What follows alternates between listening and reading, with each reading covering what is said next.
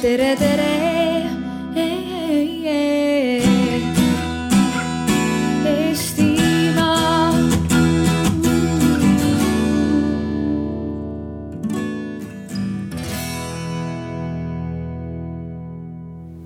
Tere õhtust, tere äh, Arvamusfestivali äh, viimasele arutelule, mis toimub igal pool muidugi e,. minu nimi on Triin Vihalem, töötan Tartu Ülikoolis, olen kommunikatsiooniuuringute professor ja võtsin suure rõõmuga vastu teile esitatud ettepaneku tulla ja modereerida sellist üsnagi ilmselt tihedat arutelu rahvaalgatusest andke korraks käega märku, kes kuuleb esimest korda praegu seda rahvaalgatuse nii-öelda sõna.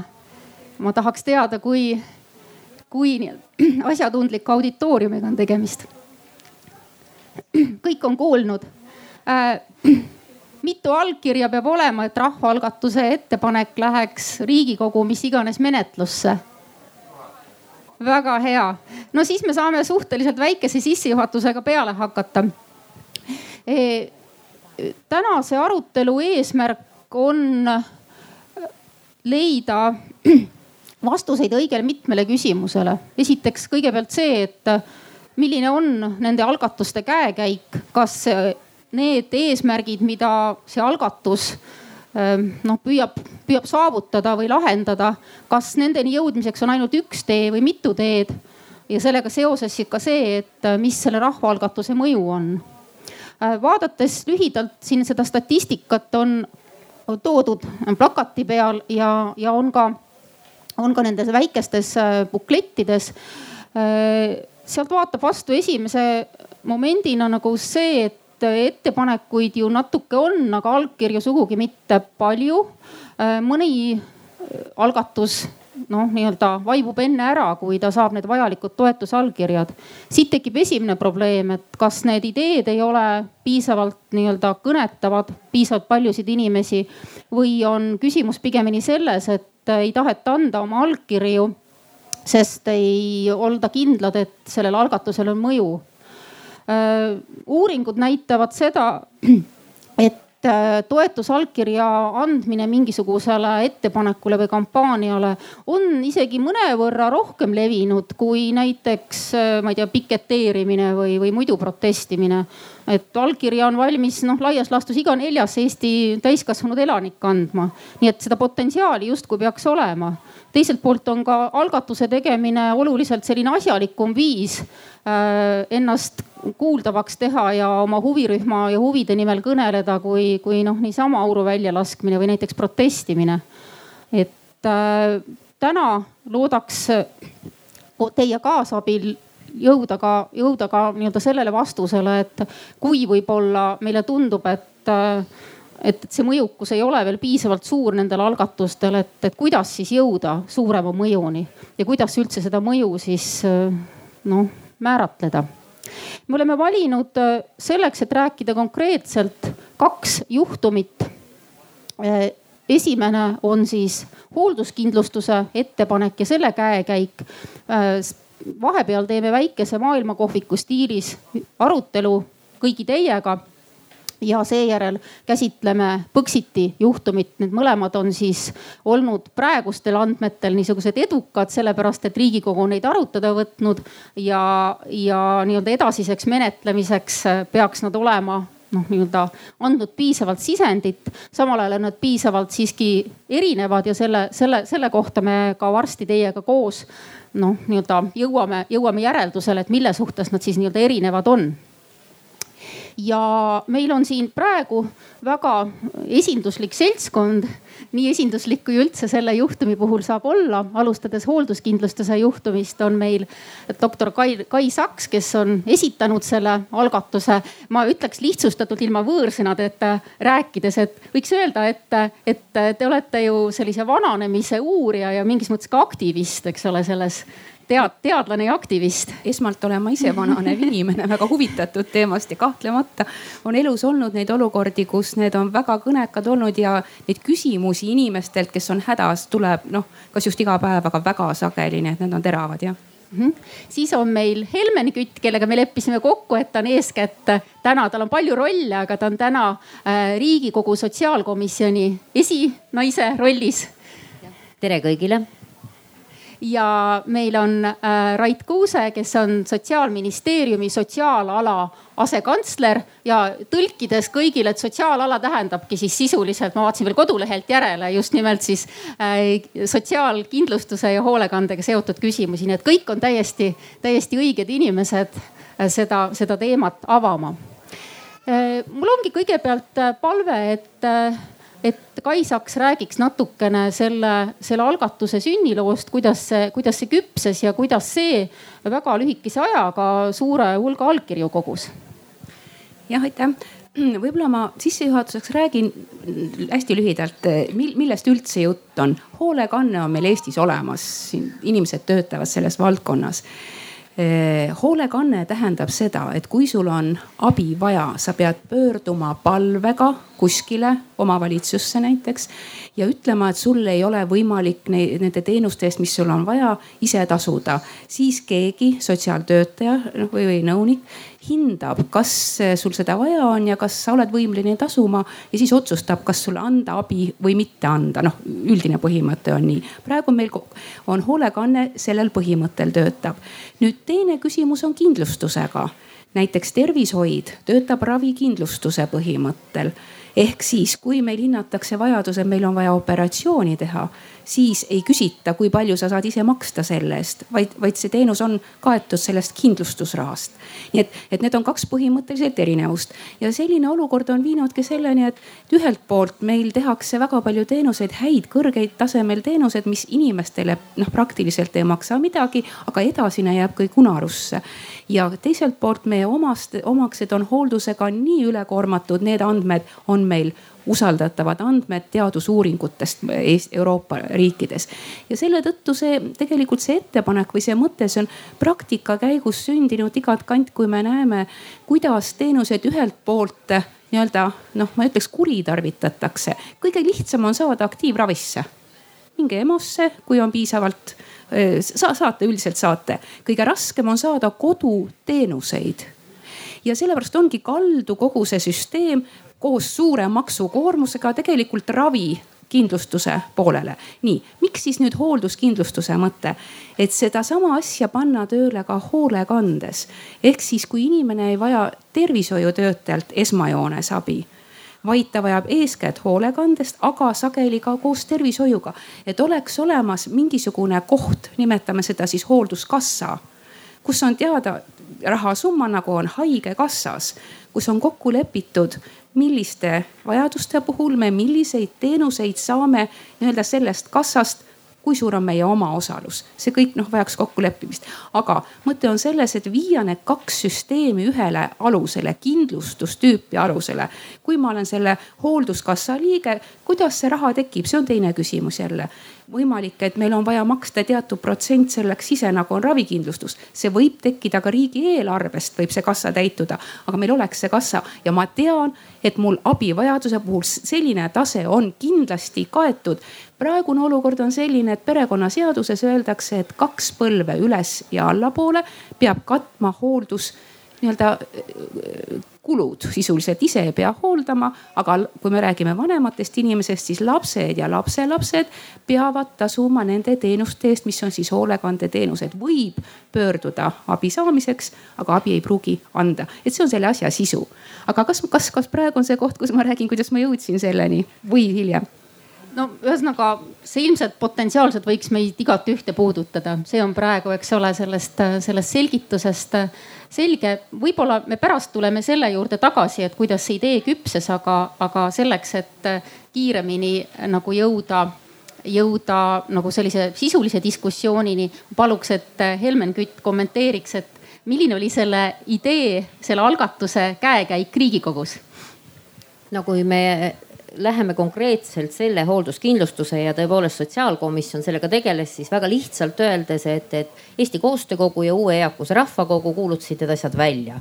ja see idee kogus väga kiiresti tuhat allkirja. Ja muidugi siin tuleb tugev kummardus ja, ja lugupidamine esitada idee autorile, kes oma naiskonna või meeskonnaga väga kiirelt aktiviseeris. Ja see näitab veel ka seda, et see on probleem, see ongi tegelikult probleem. Ja kuigi ma täna olen siin sotsiaalkomisjoni esimehe rollis, siis tegelikult minu haridus on sotsiaalvaldkonna ja pikaajaline kakskümmend aastat töötamist Viljandi linnavalitsuses just nimelt selles sektoris ma olen nende lugudega tuttav, ma tean, kuidas see pendeldamine tervishoiu ja hoolekande vahel.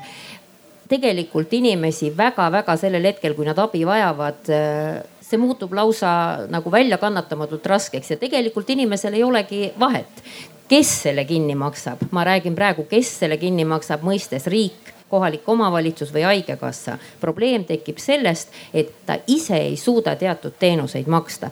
ja kui riigikogusse siis eh, nimetatud petitsioon, milles ikkagi tuhat ja enam allkirja oli, jõudis neljandal septembril kaks tuhat seitseteist, siis riigikogu juhatus väga kiiresti suunas selle juba kaheteistkümnendal septembril suunas sotsiaalkomisjonile aruteluks. ja sotsiaalkomisjon viiel korral väga põhjalikult nii kaks tuhat seitseteist kui kaks tuhat kaheksateist alguses teemat arutas ja leidis järel, jõudis järelduseni, et vajalik on see viia oluliselt tähtsa riikliku küsimusena riigikogu saali. ma olen üldse seda meelt, et rohkem peab olema parlamentaarseid arutelusid. komisjonis on üheksa liiget üheksa erineva erakonna liiget ja näiteks üks erakond, EKRE puudub sealt üldse, sest neid on lihtsalt nii vähe, neid on seitse ja nad ei jagu igasse komisjoni ja nad on valinud komisjonid. riigikogus istub sada üks riigikogu liiget, ütleme rahvaesindus, need on sinna valitud inimesed ja see teema tundus niivõrd oluline ja minu meelest just ka perspektiivina tulevikku vaatav, sest sellest on räägitud kakskümmend aastat. küll Kai Saks pärast räägib, millised eh, noh eellood sellel kõigil on.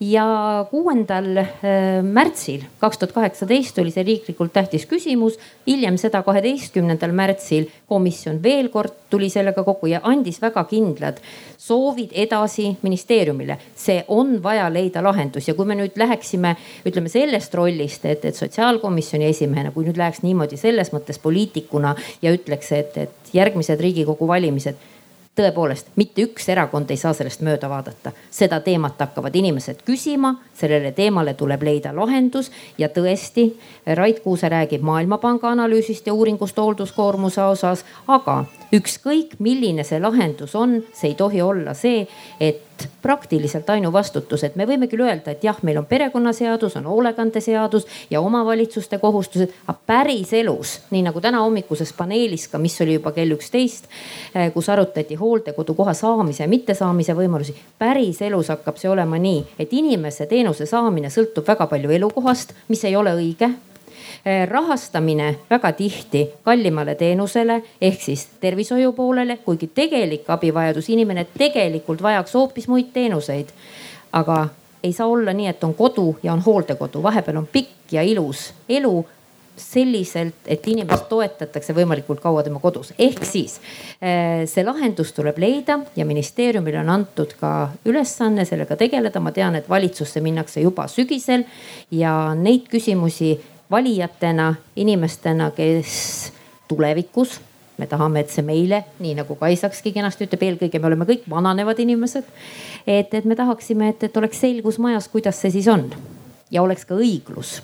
sest täna näitena lihtsalt tuues, et, et väga mitmed teenused toome veel kord hooldekodu sisse, kuigi see peaks olema nagu selline noh, mitte eh, eesmärk hooldekodu poole, vaid seal on ka meditsiiniteenus niivõrd suur, aga täna haigekassa seda ei rahasta. isegi kui hooldekodu on taotlenud tervishoiu osutamise loa tervishoiuteenuse osutamise loa, siis seda ei rahasta haigekassa, vaid see on kohamaksu sees.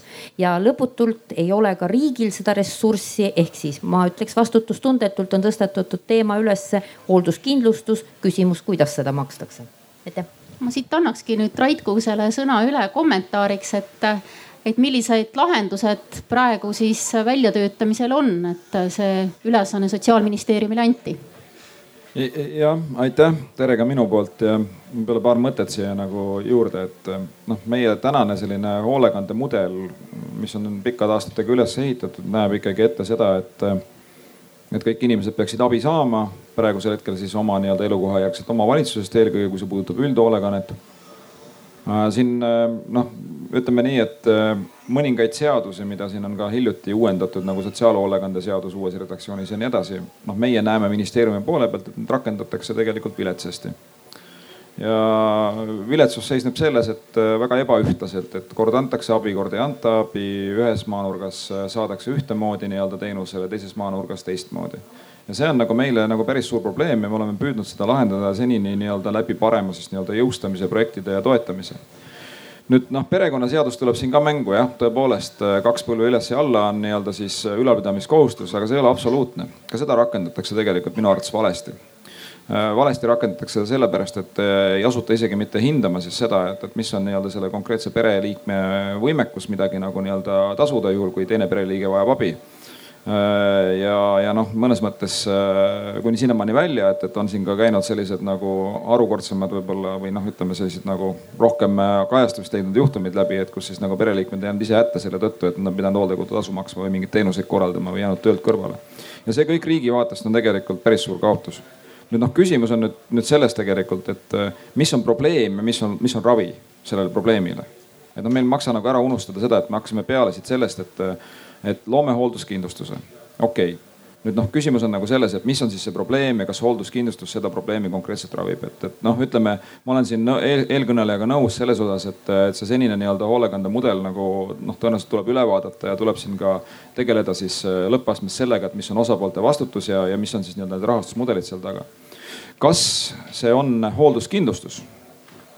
ma ei tea äh, küsimus on väga pragmaatiline minu jaoks äh, selle algatuse puhul just hoolduskindlustuse kontekstis, et äh, et äh, kuidas need maksed kokku tulevad, mida nende maksete eest saab ja kas meil on tegelikult lootust, et see skeem nüüd nii-öelda mingit nii-öelda probleemi lahendab. ta kindlasti ei ole üks nii-öelda vastus sellele, et meil on vananev ühiskond ja suurem vajadus investeerida hoolekandeteenustesse meil on väike skepsis nii-öelda ministeeriumi poole pealt ja see skepsis on toetatud ka Maailmapanga ühe mahuka analüüsi tulemusena, et, et see hoolduskindlustuse skeem Eestis võiks olla rakendatud, et noh, hoiatatakse seal selle eest, et see tõstab tegelikult tööjõumakse. tõstab tööjõumakse ja tegelikult see noh, ütleme see väärtus, mida sealt lõpuks nagu kätte saadakse, on noh, mõnevõrra siis nagu nii-öelda noh, kaheldav, et me saame sealt äh, selle katte nagu, mida nii-öelda, millest inimesed nagu unistavad.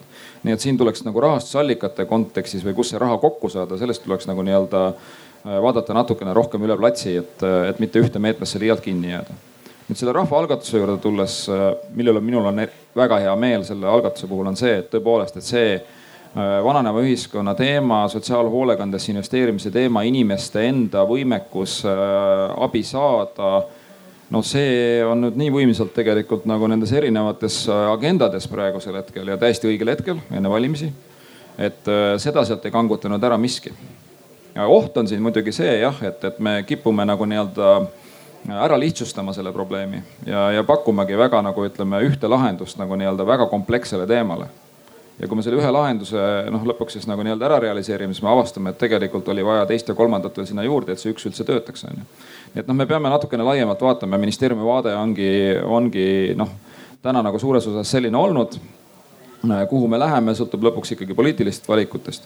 aga paar asja võib-olla, mida mainida, et mida me täna teeme, on siis äh, me oleme algatanud äh, hoolduskoordinatsiooni sellised piloodid, äh, riik, kohalik omavalitsus koos, kus siis äh, kuues erinevas omavalitsuses me üritame siis teha nii, et, et no üks, üks nii-öelda spetsialist, tark inimene, kes hindab selle hooldusvajaduse ühe metoodika järgi ära. Ja ütleb ka ära, milliseid tervishoiu ja milliseid hoolekandeteenuseid ta vajab, teeb juhtumiplaani ja siis nii-öelda jälgib, et see inimene saaks need teenused nii-öelda nagu kätte. sest nende kahe süsteemi vahel orienteerumine on äh, isegi väga võimekale inimesele teinekord nagu äraütlemata keeruline et me üritame siis nii-öelda seda tõlki sinna nagu luua ja selle läbi saada seda teadmist, et tegelikult kus need kitsaskohad täpselt on ja millist metoodikat, millist lähenemist ja millist investeeringut tegelikult riigis inimesed vajavad nüüd äh, korra veel ütlen ühe asja nagu siia lõpetuseks nagu juurde, et eks neid piloote ja selliseid nagu, nagu teemasid on nagu veel, et, et ta taandub nagu mõnes mõttes äh, noh, sellele debatile suures plaanis, et äh, milline siis nii-öelda mudel hoolekande kontekstis meie riigis võiks tulevikus töötada ja kas see tänane mudel tegelikult on jätkusuutlik ja, ja, ja noh, siin tuleb neid valikuid nagu teha. siis järgmine küsimus on see, et kuidas see raha nagu nii-öelda kokku saab nii-öelda. Ja siis äh, noh, meie hoolekandele on olnud omane läbi ikkagi aastakümnete see, et, et inimestel on päris suur nii-öelda roll ja osalus perel ja vastutus hoolekande korraldamisel, et noh, lähiajal näha ei ole, et see väga palju muutuks. me lihtsalt ei jõua nii palju investeerida kui, kui Põhjamaad aga noh, siin tuleks äh, võib-olla vaadata ka seda, et kas nende olemasolevate õiguslike lahenduste rakendamine on ikkagi selline, nagu me alguses neid kirjutades oleme näinud. minu arvates äh, üsna tihti ei ole ja sellest hakkavad tegelikult need probleemid peale, inimesed jäävad nagu abita. nii et noh, eaka ühiskonnana äh, noh, minu soov siin ministeeriumi vaatest ka on see, et vaatame natukene nagu laiemalt, ärme jää ühte mõttesse kinni sest neid lahendusi on äh, vaja leida kompleksselt, probleem ise on äh, väga mitmetahuline. Ja noh, kui hoolduskindlustus kui selline nii-öelda on üks äh, tükikene selles pusles, siis jah, loomulikult teda tuleb edasi arendada. aga me peame vaatama nagu laiemalt seda koosmõju. see on see minu nagu nii-öelda lühike kommentaar siia aitäh. Äh, ma küsiks kohe, enne kui ma annan äh, sõna Helmen Kütile ja Kai Saksale oma poolt küsimuste ja kommentaaride esitamiseks. et äh, kas see, et neid pilootprojekte noh, tule, tuli, tuli siis nüüd, praegu algas ja ei tulnud varem, äh, kui probleem on samal ajal nagu kakskümmend aastat olnud viisil või teisel üleval, et, et kas see nüüd oli nüüd see, et, et tõesti tuli mingisugune väga konkreetne idee või, või, või mis tähendab, on selle algatuse roll siin selles, et nüüd leiti raha pilootprojektideks? no viimane, viimased, eks ta lõpuks ikkagi on nagu see, et, et tekib siis see, see hetk, et kus nii-öelda probleemi tajumine Äh, valmidus sellesse nii-öelda probleemi lahendamisse ja, ja uurimisse investeerida ja noh, ütleme ka need targad inimesed, kes on valmis sellega tegelema, nagu jõuavad ühte ajahetke kokku onju, et noh, ju see, ju see on see punkt onju. seal on oma eellugu ja oma, oma eeltöö tegelikult äh, Äh, hoolduskoormuse rakkerühm äh, tegi paar aastat tööd koos Maailmapangaga, analüüsiti siis nii-öelda erinevate tahkude alt, et mis teemaga tegemist on, kuidas me suudame nagu ära määratleda need hooldaja äh, küsimused ja, ja, ja selle, et mida siis riik täna nagu teeb ja mida ta peaks tegema, kui palju raha üldse kulub nendele teemadele, et, et mis on ka killustunud süsteemis teinekord päris suur ülesanne nagu üles leida ja aru saada nii et, äh, et seal ikka mitu aastat nagu nii-öelda erinevat nagu tööd nende teemade kallal on, äh, on taustal ja, ja see rahvaalgatus noh, mõnes mõttes nagu äh, aja mõttes tabas väga õiget hetke ja, ja, ja noh, ma usun, et, et ega see ei ole esimene kord, kus nagu sellest nagu räägitakse. muidugi seda tehakse korduvalt, see rahvaalgastuste puhul on ka see, et, et noh, seda tuleb nagu hoida, et, et see ei ole selline ühekordne nagu üritus on ju, mida korra hääletatakse kuskil ära on ju ja siis kõik on nagu rahul, et saime nii kaugele tegelikult sa pead nagu seda suutma nagu tegelikult äh, noh teemana nagu hoida ja noh varem või hiljem, äh, varem või hiljem ühes või teises nagu rakursis seda nagu vaadatakse. küll aga noh, nagu iga kaasamisega on, et et, et mõni on olnud rahulolematu ka mulle öelnud, et, et me siin jah kaasame, kaasate siin ministeeriumi poole pealt kõiki on ju nii-öelda, et aga te ju nii ei teinud, nagu ma tahtsin. et, et noh, sellest tuleb nagu aru saada, et, et, et see kogu see vastuse otsimise protsess on ka protsess on ju, sa iga päev oled võib-olla natukene nagu targem, leiad mingi uue nüansi ja rakursi on ju, et, et see lahendus võib ka nii-öelda muteeruda selle, selle, selle käigus on ju, mis ei tähenda seda, et sa nagu probleemist kaugeneksid, võib-olla leiadki nagu parema sünergia erinevate lahenduste vahel no nii, nüüd on praeguseks selge, et äh, huvirühmad hoolduskindlustust ei saa, võib-olla saavad midagi muud. ma annakski nüüd äh, Kai Saksale, Helmen Kütile vaba, vaba võimaluse küsida, küsida Rait Kuuselt et miks ei saa või ma ei öelnud, et ei mina, saa. mina ei lugenud ka sellest välja sellist sõnumit, et nüüd on see otsustatud pigem ma ütleks niimoodi, et mul on väga hea meel, et on algatatud nende protsessi osade lahendamist nagu hoolduskoordinaator, mis on tõesti viisteist aastat tagasi püüdis seda lahendada tervishoiu pool. ei tulnud välja. Ehk läheb hoolekande poolel see korda. Või teine teema, väga tõsine teema, dementsusega inimeste hooldus. et mis on nüüd probleemiks antud juhul, ka need on projektipõhised, need ei ole süsteem. Ja tegelikult mul on üks otsene küsimus, enne kui ma jätkaks oma mõtetega Rait Kuusele eeskätt, aga võib-olla Helmenile ka mil-, milline summa on järgmiseks eelarveaastaks, ütleme selleks eelarveaastaks, kui suur summa on, on riigieelarvest ette nähtud hoolekandeteenusteks? Oi, selle kokkulugemiseks nüüd ütleme, küsimus on siis millisteks hoolekandeteenusteks Hoolekande? summa kasvab iga, iga, iga aasta, et meil on erihoolekandeteenused, meil on tavaliselt hoolekande, hooldus, hooldus, hoolduskoormuse peale ütleme, oli viimati vist kümme miljonit, me nägime ette siin, et, et oli Nii, see mitu, poliitiline kokkulepe. mitu protsenti see on riigi avaliku sektori eelarvest? kui me räägime üleüldse nagu sotsiaalkaitsekulutusi tervikuna, siis. ei no,, ei ärme räägi tervikuna, räägime hooldusteenustest. niimoodi, niimoodi, niimoodi peast ei ütle neid numbreid. ma tahan öelda, et ma pole leidnud Eestis sellist inimest, kes teaks mitu eurot on ette nähtud hooldusteenusteks see, et suurendatakse omavalitsuse rahastamist, mis see tähendab? see tähendab seda, omavalitsused saavad ühe poti raha ja sealt on vaja katta kõik need kulutused, mida ministeeriumid ette on näinud omavalitsustele. üks omavalitsus teeb staadioni, mis on ka terviseedenduslik, absoluutselt nõus, väga vajalik. teine eh, arendab koduhooldust, mitte keegi ei kirjuta ette, mitu eurot läheb seal hooldusteenustele ja sellepärast mitte keegi Eestis ei tea, mitu eurot on hooldusele üldse ette nähtud. kuidas me teada saame? Me saame teada siis, kui OSCD teeb uuringud ja teie rakkerühm tegi ettepanekud hoolduse arendamiseks, kus kasutas uuringut aastast kaks tuhat kolmteist, kus oli Eesti avaliku sektori kuludest null koma viis kuni null koma kuus protsenti läks hoole, hooldusele. Põhiliselt õendusabi, põhiliselt õendusabi ja hooldekodud. koduteenused ainult vähenevad. nüüd mina kasutasin järgmise aasta, ma alustasin natuke hiljem selleks ettevalmistuseks, kaks tuhat neliteist OSCD uuringut. ja me saime teada, et järgmine aasta kasutati null koma kaks protsenti, me saame tagantjärgi teada seda me ei tea üldse, kui palju sellel on plaanitud. nii et me saame tegelikult, mis, mis on selle asja mõte? ma arvan, et ma sissejuhatuses püüdsin öelda, et see hoolduskindlustus ei tähenda automaatselt seda, et me suurendame seda kindlustusmakse võrra, see võib nii olla, aga see minu esialgne ettepanek, mis läks, tegelikult oli seotud mõttega hoolduskassa loomisest ja ma jään selle juurde, et tegelikult hoolduskassa tähendab seda nii nagu haigekassa on teatud raha, kui meil praegu ei saa, mis on OECD riikides keskmine hoolduskulu avalikust sektorist on üks koma neli protsenti, mis on seitse korda rohkem. Leedus on üks koma kaks protsenti. kui me ütleme, et Eesti riik on liiga vaene, me ei saa, siis palun, kas me oleme vaesemad kui Leedu? Nii, mõte on selles, kui meil, kui praegu on käsi, käsil tegemist hoolekande uus strateegia või teekaart, kuidas te nimetate seda või ka manifest, ma ei oska öelda.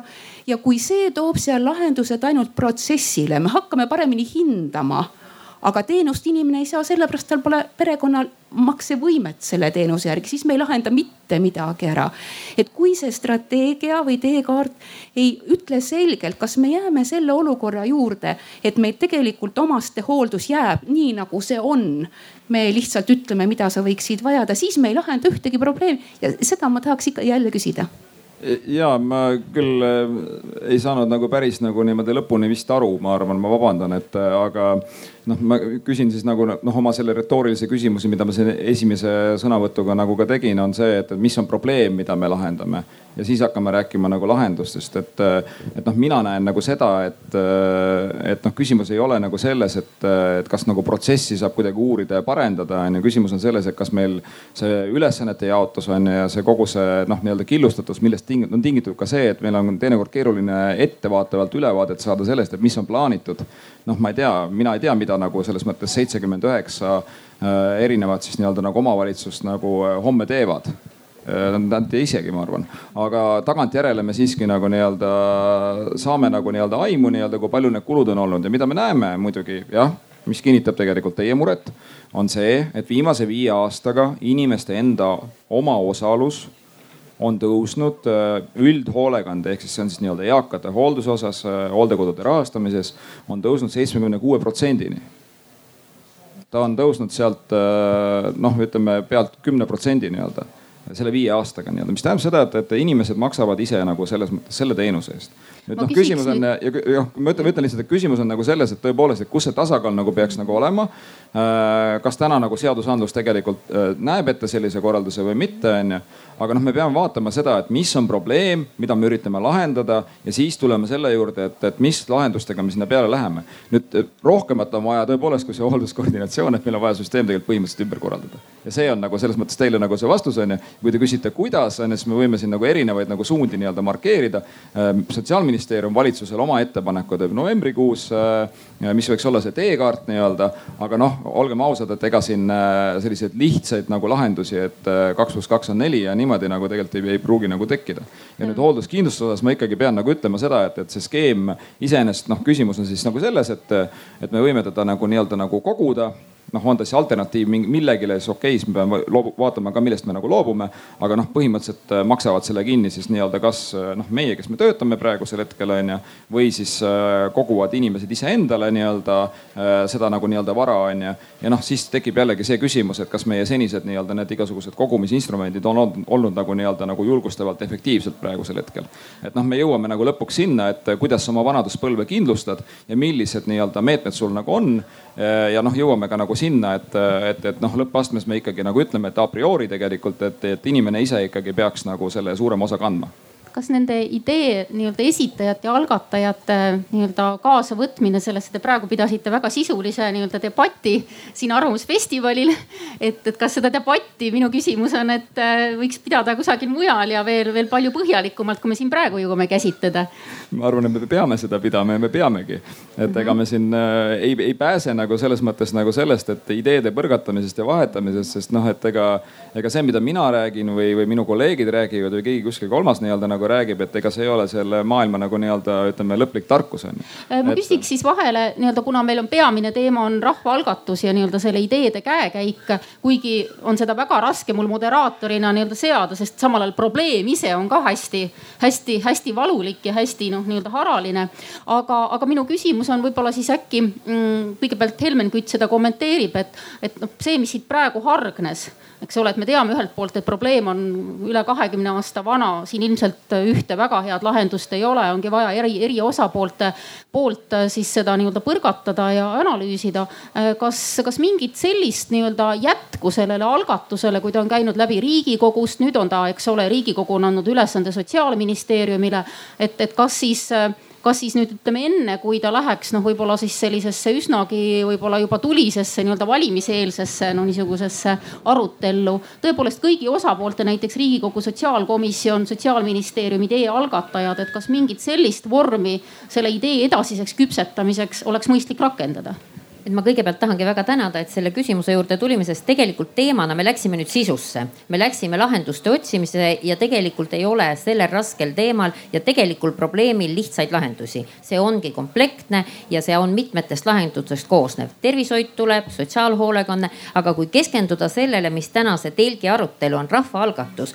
et inimesed, kes koguvad allkirjad, kes esitavad probleemist tulenevalt ettepanekud, et kuidas neid menetletakse Riigikogus ja vot see on nagu see, et ka mis tulemusena jõutakse, see on järgmistele ettepanekutele, kas positiivne signaal, et jah, me oleme toonud need asjad ja see leidis lahenduse või sealt ei tule tulemust ja siis inimesed löövad ka käega, et teate, me kogume küll allkirjad, lihtsalt räägitakse, aga midagi edasi ei tule. see on ka põhjus, miks me läksime suurde saali, sada üks inimest, riigikogu liiget saavad sellest aimu ja üle, mitte üheksa sotsiaalkomisjoni liiget.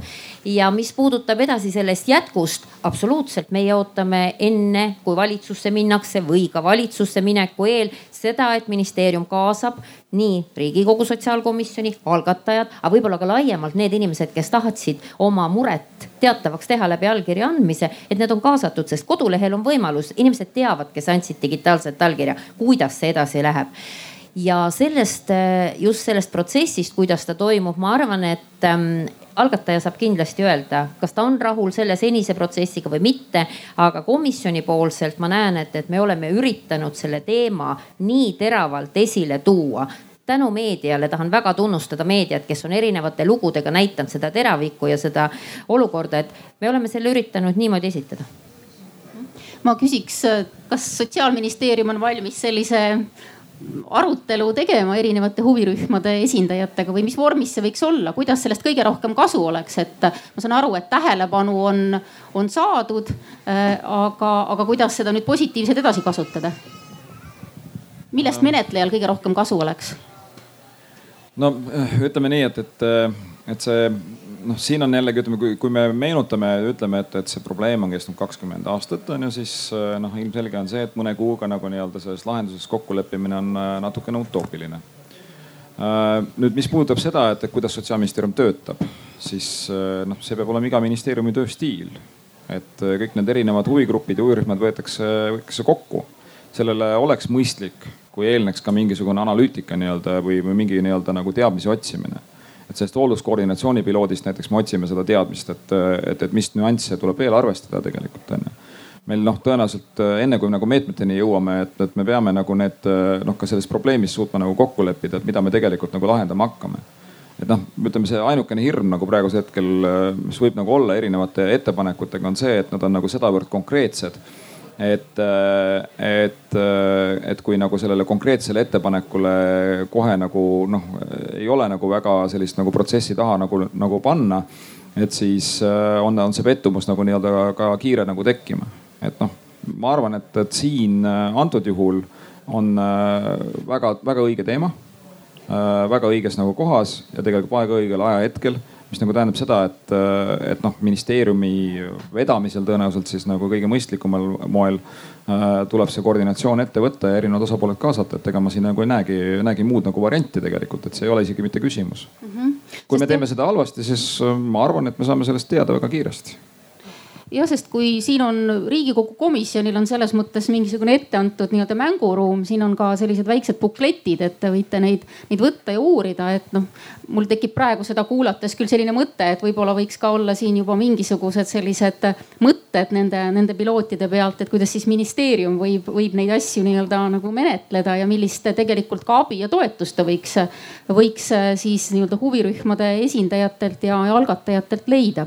mul oleks nüüd selline küsimus küsimus äh, natukene laiemale ringile, me hakkame seda ka kohe varsti siin nii-öelda rühmatöödega arutama, aga, aga praegu seda nii-öelda kuulates oli väga konkreetne idee ma palun äh, kohe ka doktor Kai Saksal mõne sõna rääkida, kuidas see küpses, natukene on sellest juba juttu olnud. et kuidas tundub, et ühelt poolt, kui idee on juba väga küps, siis meil on oht sellesse noh, nii-öelda ära armuda või olla nagu väga-väga kindlalt, kindlalt seda mõtet, et see lahendab neid asju, samal ajal kui ta on noh, võib juhtuda nii nagu praegu ilmselt protsess läheb, et, et on vaja pisut, pisut laiemalt seda vaadata. siis ju nagu tunduks, et idee võib olla veel üsna niisugune algkujul kui idee samal ajal on väga toores, et kas tal on siis jällegi seda kaasavedavat efekti, mida praegu ilmselgelt sellel hoolduskindlustuse algatusel, kui me mõtleme, et kakskümmend aastat on räägitud ja noh, ei ole nagu sellist kiiret reaktsiooni olnud nagu praegu ühel ideel, et see idee nagu hakkas lendama, eks ole, selles mõttes. et äh, mida, mida arvatakse, on siin mingisuguseid selliseid häid, häid ettepanekuid selles dilemmas, keegi ei taha teha tühja tööd, eks ole. et et, et, et kuivõrd äh, selline toores või küps selline idee võiks olla või, või, või kuidas, millised meetodid võiks olla, et teda siis äh, nii-öelda vahepeal kuidagi töödelda, nii et need asjad läheksid võib-olla ka natuke kiiremini, sest praegu ikkagi lahendused ju natuke viibivad, eks ole. Palun, kes, kes oleks valmis sõna võtma kommentaariks? Maarja-Leena on siin valmis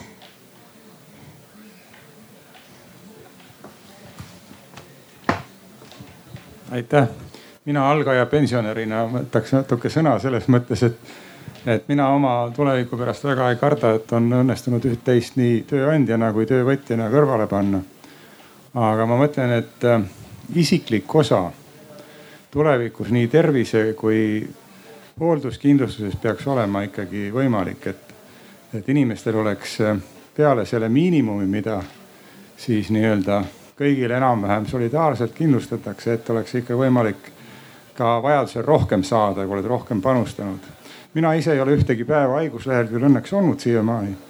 aga noh, kõigil ei ole seda õnne olnud, et, et selles mõttes äh, ma ei, mul ei ole üldse kahju sellest, et ma olen palju maksnud sinna igasugustesse kassadesse, et see on nagu kindlustusega ikka, et parim on see, kui sa oled maksnud, aga ei ole vaja seda aga, aga ma arvan, et, et see tulevikus see diferentseerimine ikkagi peaks olema, et, et see mm, ütleme tänaseid kolmekümne aastasi, ma arvan, paneb pigem seda kindlustust võtma kui jätma riigi hooleks. aitäh mm. -hmm. aitäh, no siit nagu kumas läbi, et äh, võib-olla on õige ka sõnastada mingid noh, et kui siin küsimus oli sellest, mis probleemi me üldse lahendame, et, et võib-olla siis äh, püüdagi ka selle algatusega koos need, need nii-öelda probleemid kirjeldada või need printsiibid. on veel ettepanekuid, kuidas seda küpsetada?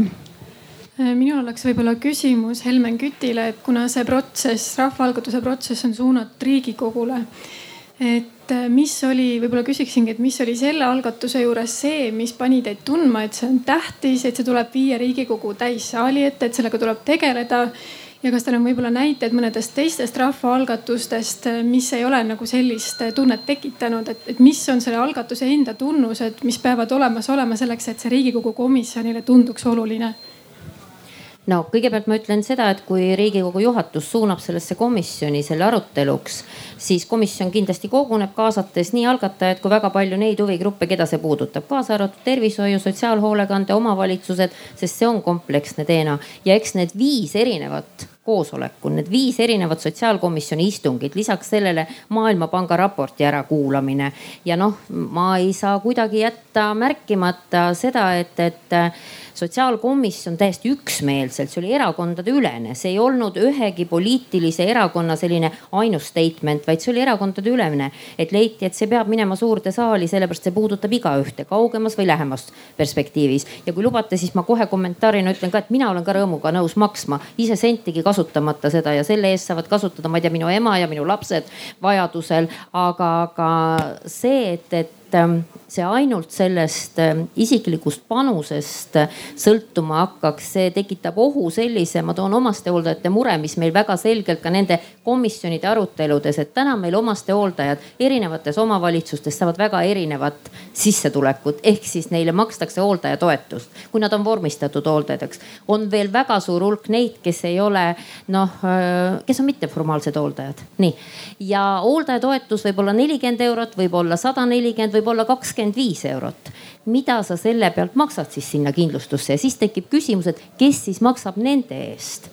Need on nagunii tulevikus inimesed, kes on väga väikese pensioni saajad, kui midagi ei muudeta aga see jah, need viis arutelu, need viis koosolekut, see ühine otsus, et see peab minema laiemalt ja, ja tegelikult ka selle tõttu, et ähm, ka algatajad näevad, et see probleem lihtsalt ei kuulata ära komisjonis. et see on väga oluline ka selleks, et neid mõtteid tuleb, minu meelest ei tohi nagu karta seda, et meil on mõtted, mis teinekord ei ole lõpuni valmis, mis on esitatud rahvaalgatuses. karta tuleb seda, et meil ei ole neid mõtteid ja seda, kui inimesed enam ei hakkagi esitama palun veel küsimusi. et see oli väga hea mõte, et seda ei, ei tule karta, et ma ei ole liiga küpse ideega välja ei tule. Mm. ma siis küsiks äh, Kai Saksalt, et, et kuivõrd äh, mida te tegite, et need allkirjad nii kiiresti kokku saite ja sellele protsessile nagu hoo sisse, sest äh, noh, muidu ükskõik kui hea idee on, kui ta, kui ta ei läbi seda lävendit, siis ta, siis ta seda ei läbi jah, aitäh, noh, esmane on kahtlemata mm, eh, tutvusringkond, mis tähendab antud juhul siis eh, tervishoiutöötajate ühendused, hoolekandetöötajate ühendused, edasi ka puhtas, puhas tutvusringkond. sellega saab kokku kolmsada, nelisada häält enam-vähem, nii, nii olevat ka teiste kogemus. mis siis edasi teha?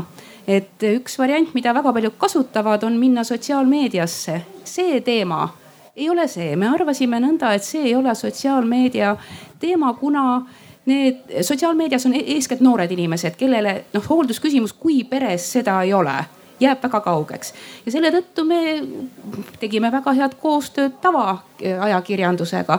ehk siis esimene artikkel tõukus Rannar Raba artiklist eh, Tartu Postimehes, kus ta rääkis, rääkis muljeid, et tema välis, välismaal elavad eestlased väga kiidavad meie tervishoiusüsteemi ja siis ma kirjutasin talle, et aga teate, hoolekandes nii ei ole. et, et ka minu poeg, kes välismaal käib siin arsti juures, see on hea, aga hoolekandes me oleme üksi jäetud.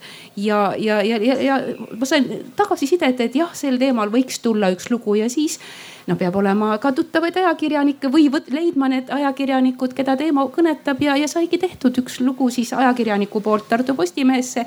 sealt tuli väga palju allkirju nii, mis siis edasi, seesama eh, lõigukene läks siis ka Delfisse, läks veel kuskile mujale. siis küsis minu käest venekeelse mingi pressiesindaja, kas ta võib seda nende vene keele publikuni viia. sealt tuli väga palju allkirju.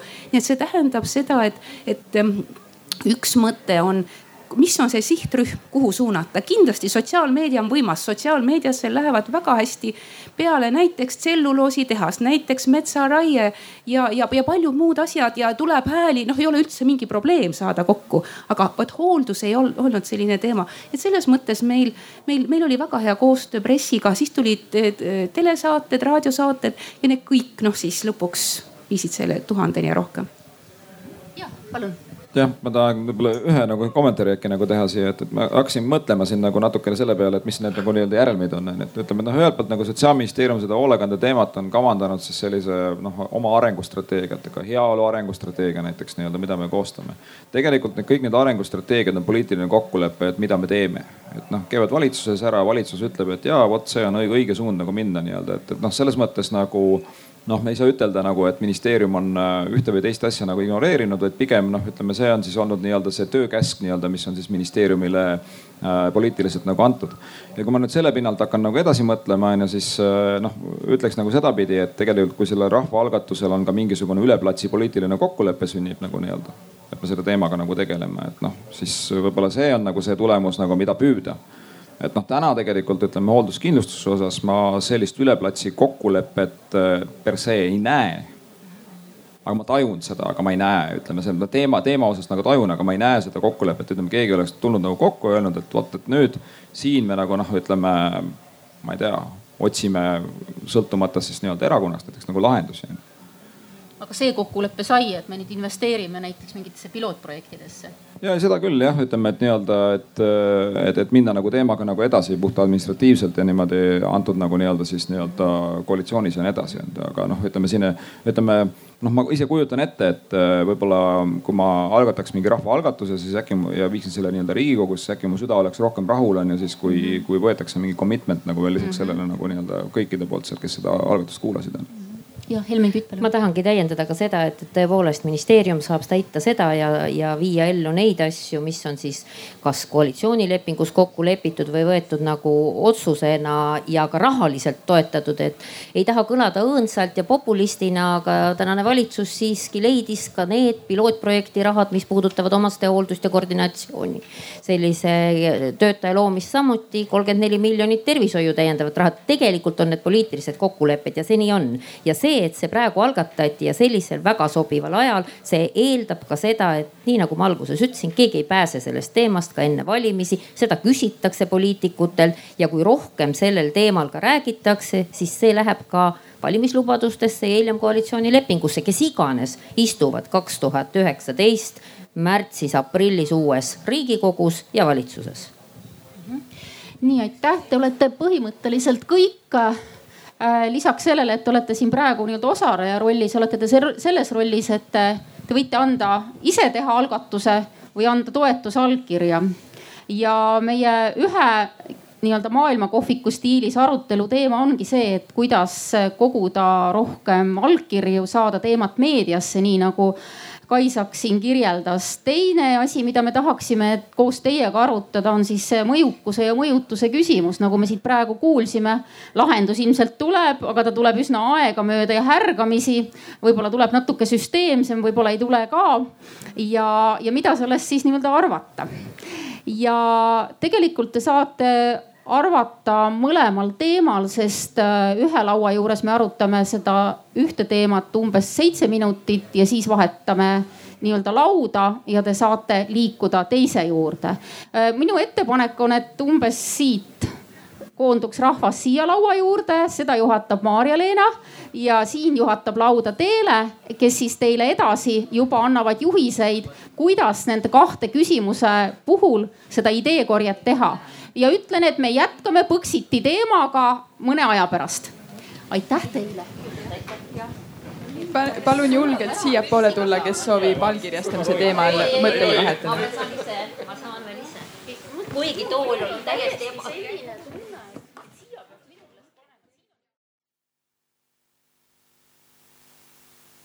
nii, lugupeetavad, aeg on läbi Põxit ootab meid. Jääge sinnasamma rahulikult, ma palun siia Põxiti nii-öelda kangelased siia kotttoolidesse ennast mahutada. nii me teeme nüüd enne, kui me läheme Põxiti teemaga edasi, kiire kokkuvõtte, et äh, Teele ja, ja Maarja-Leena teevad kokkuvõtte nendest, äh, nendest ideedest, mis teil, mis teil sellistes väikestes aruteludes äh, välja kerkisid kõige rohkem. ja siis läheme sellesama rahvaalgatuse teemaga edasi teise, teise näite baasil. jah, palun tere, mina olen Maarja-Leena ja ma olen Rahvaalgatus veebi projektijuht ja teen siis lühidalt ülevaate sellest, Äh, kuidas siis äh, võiks rohkem allkirju saada ja meediakaja saada.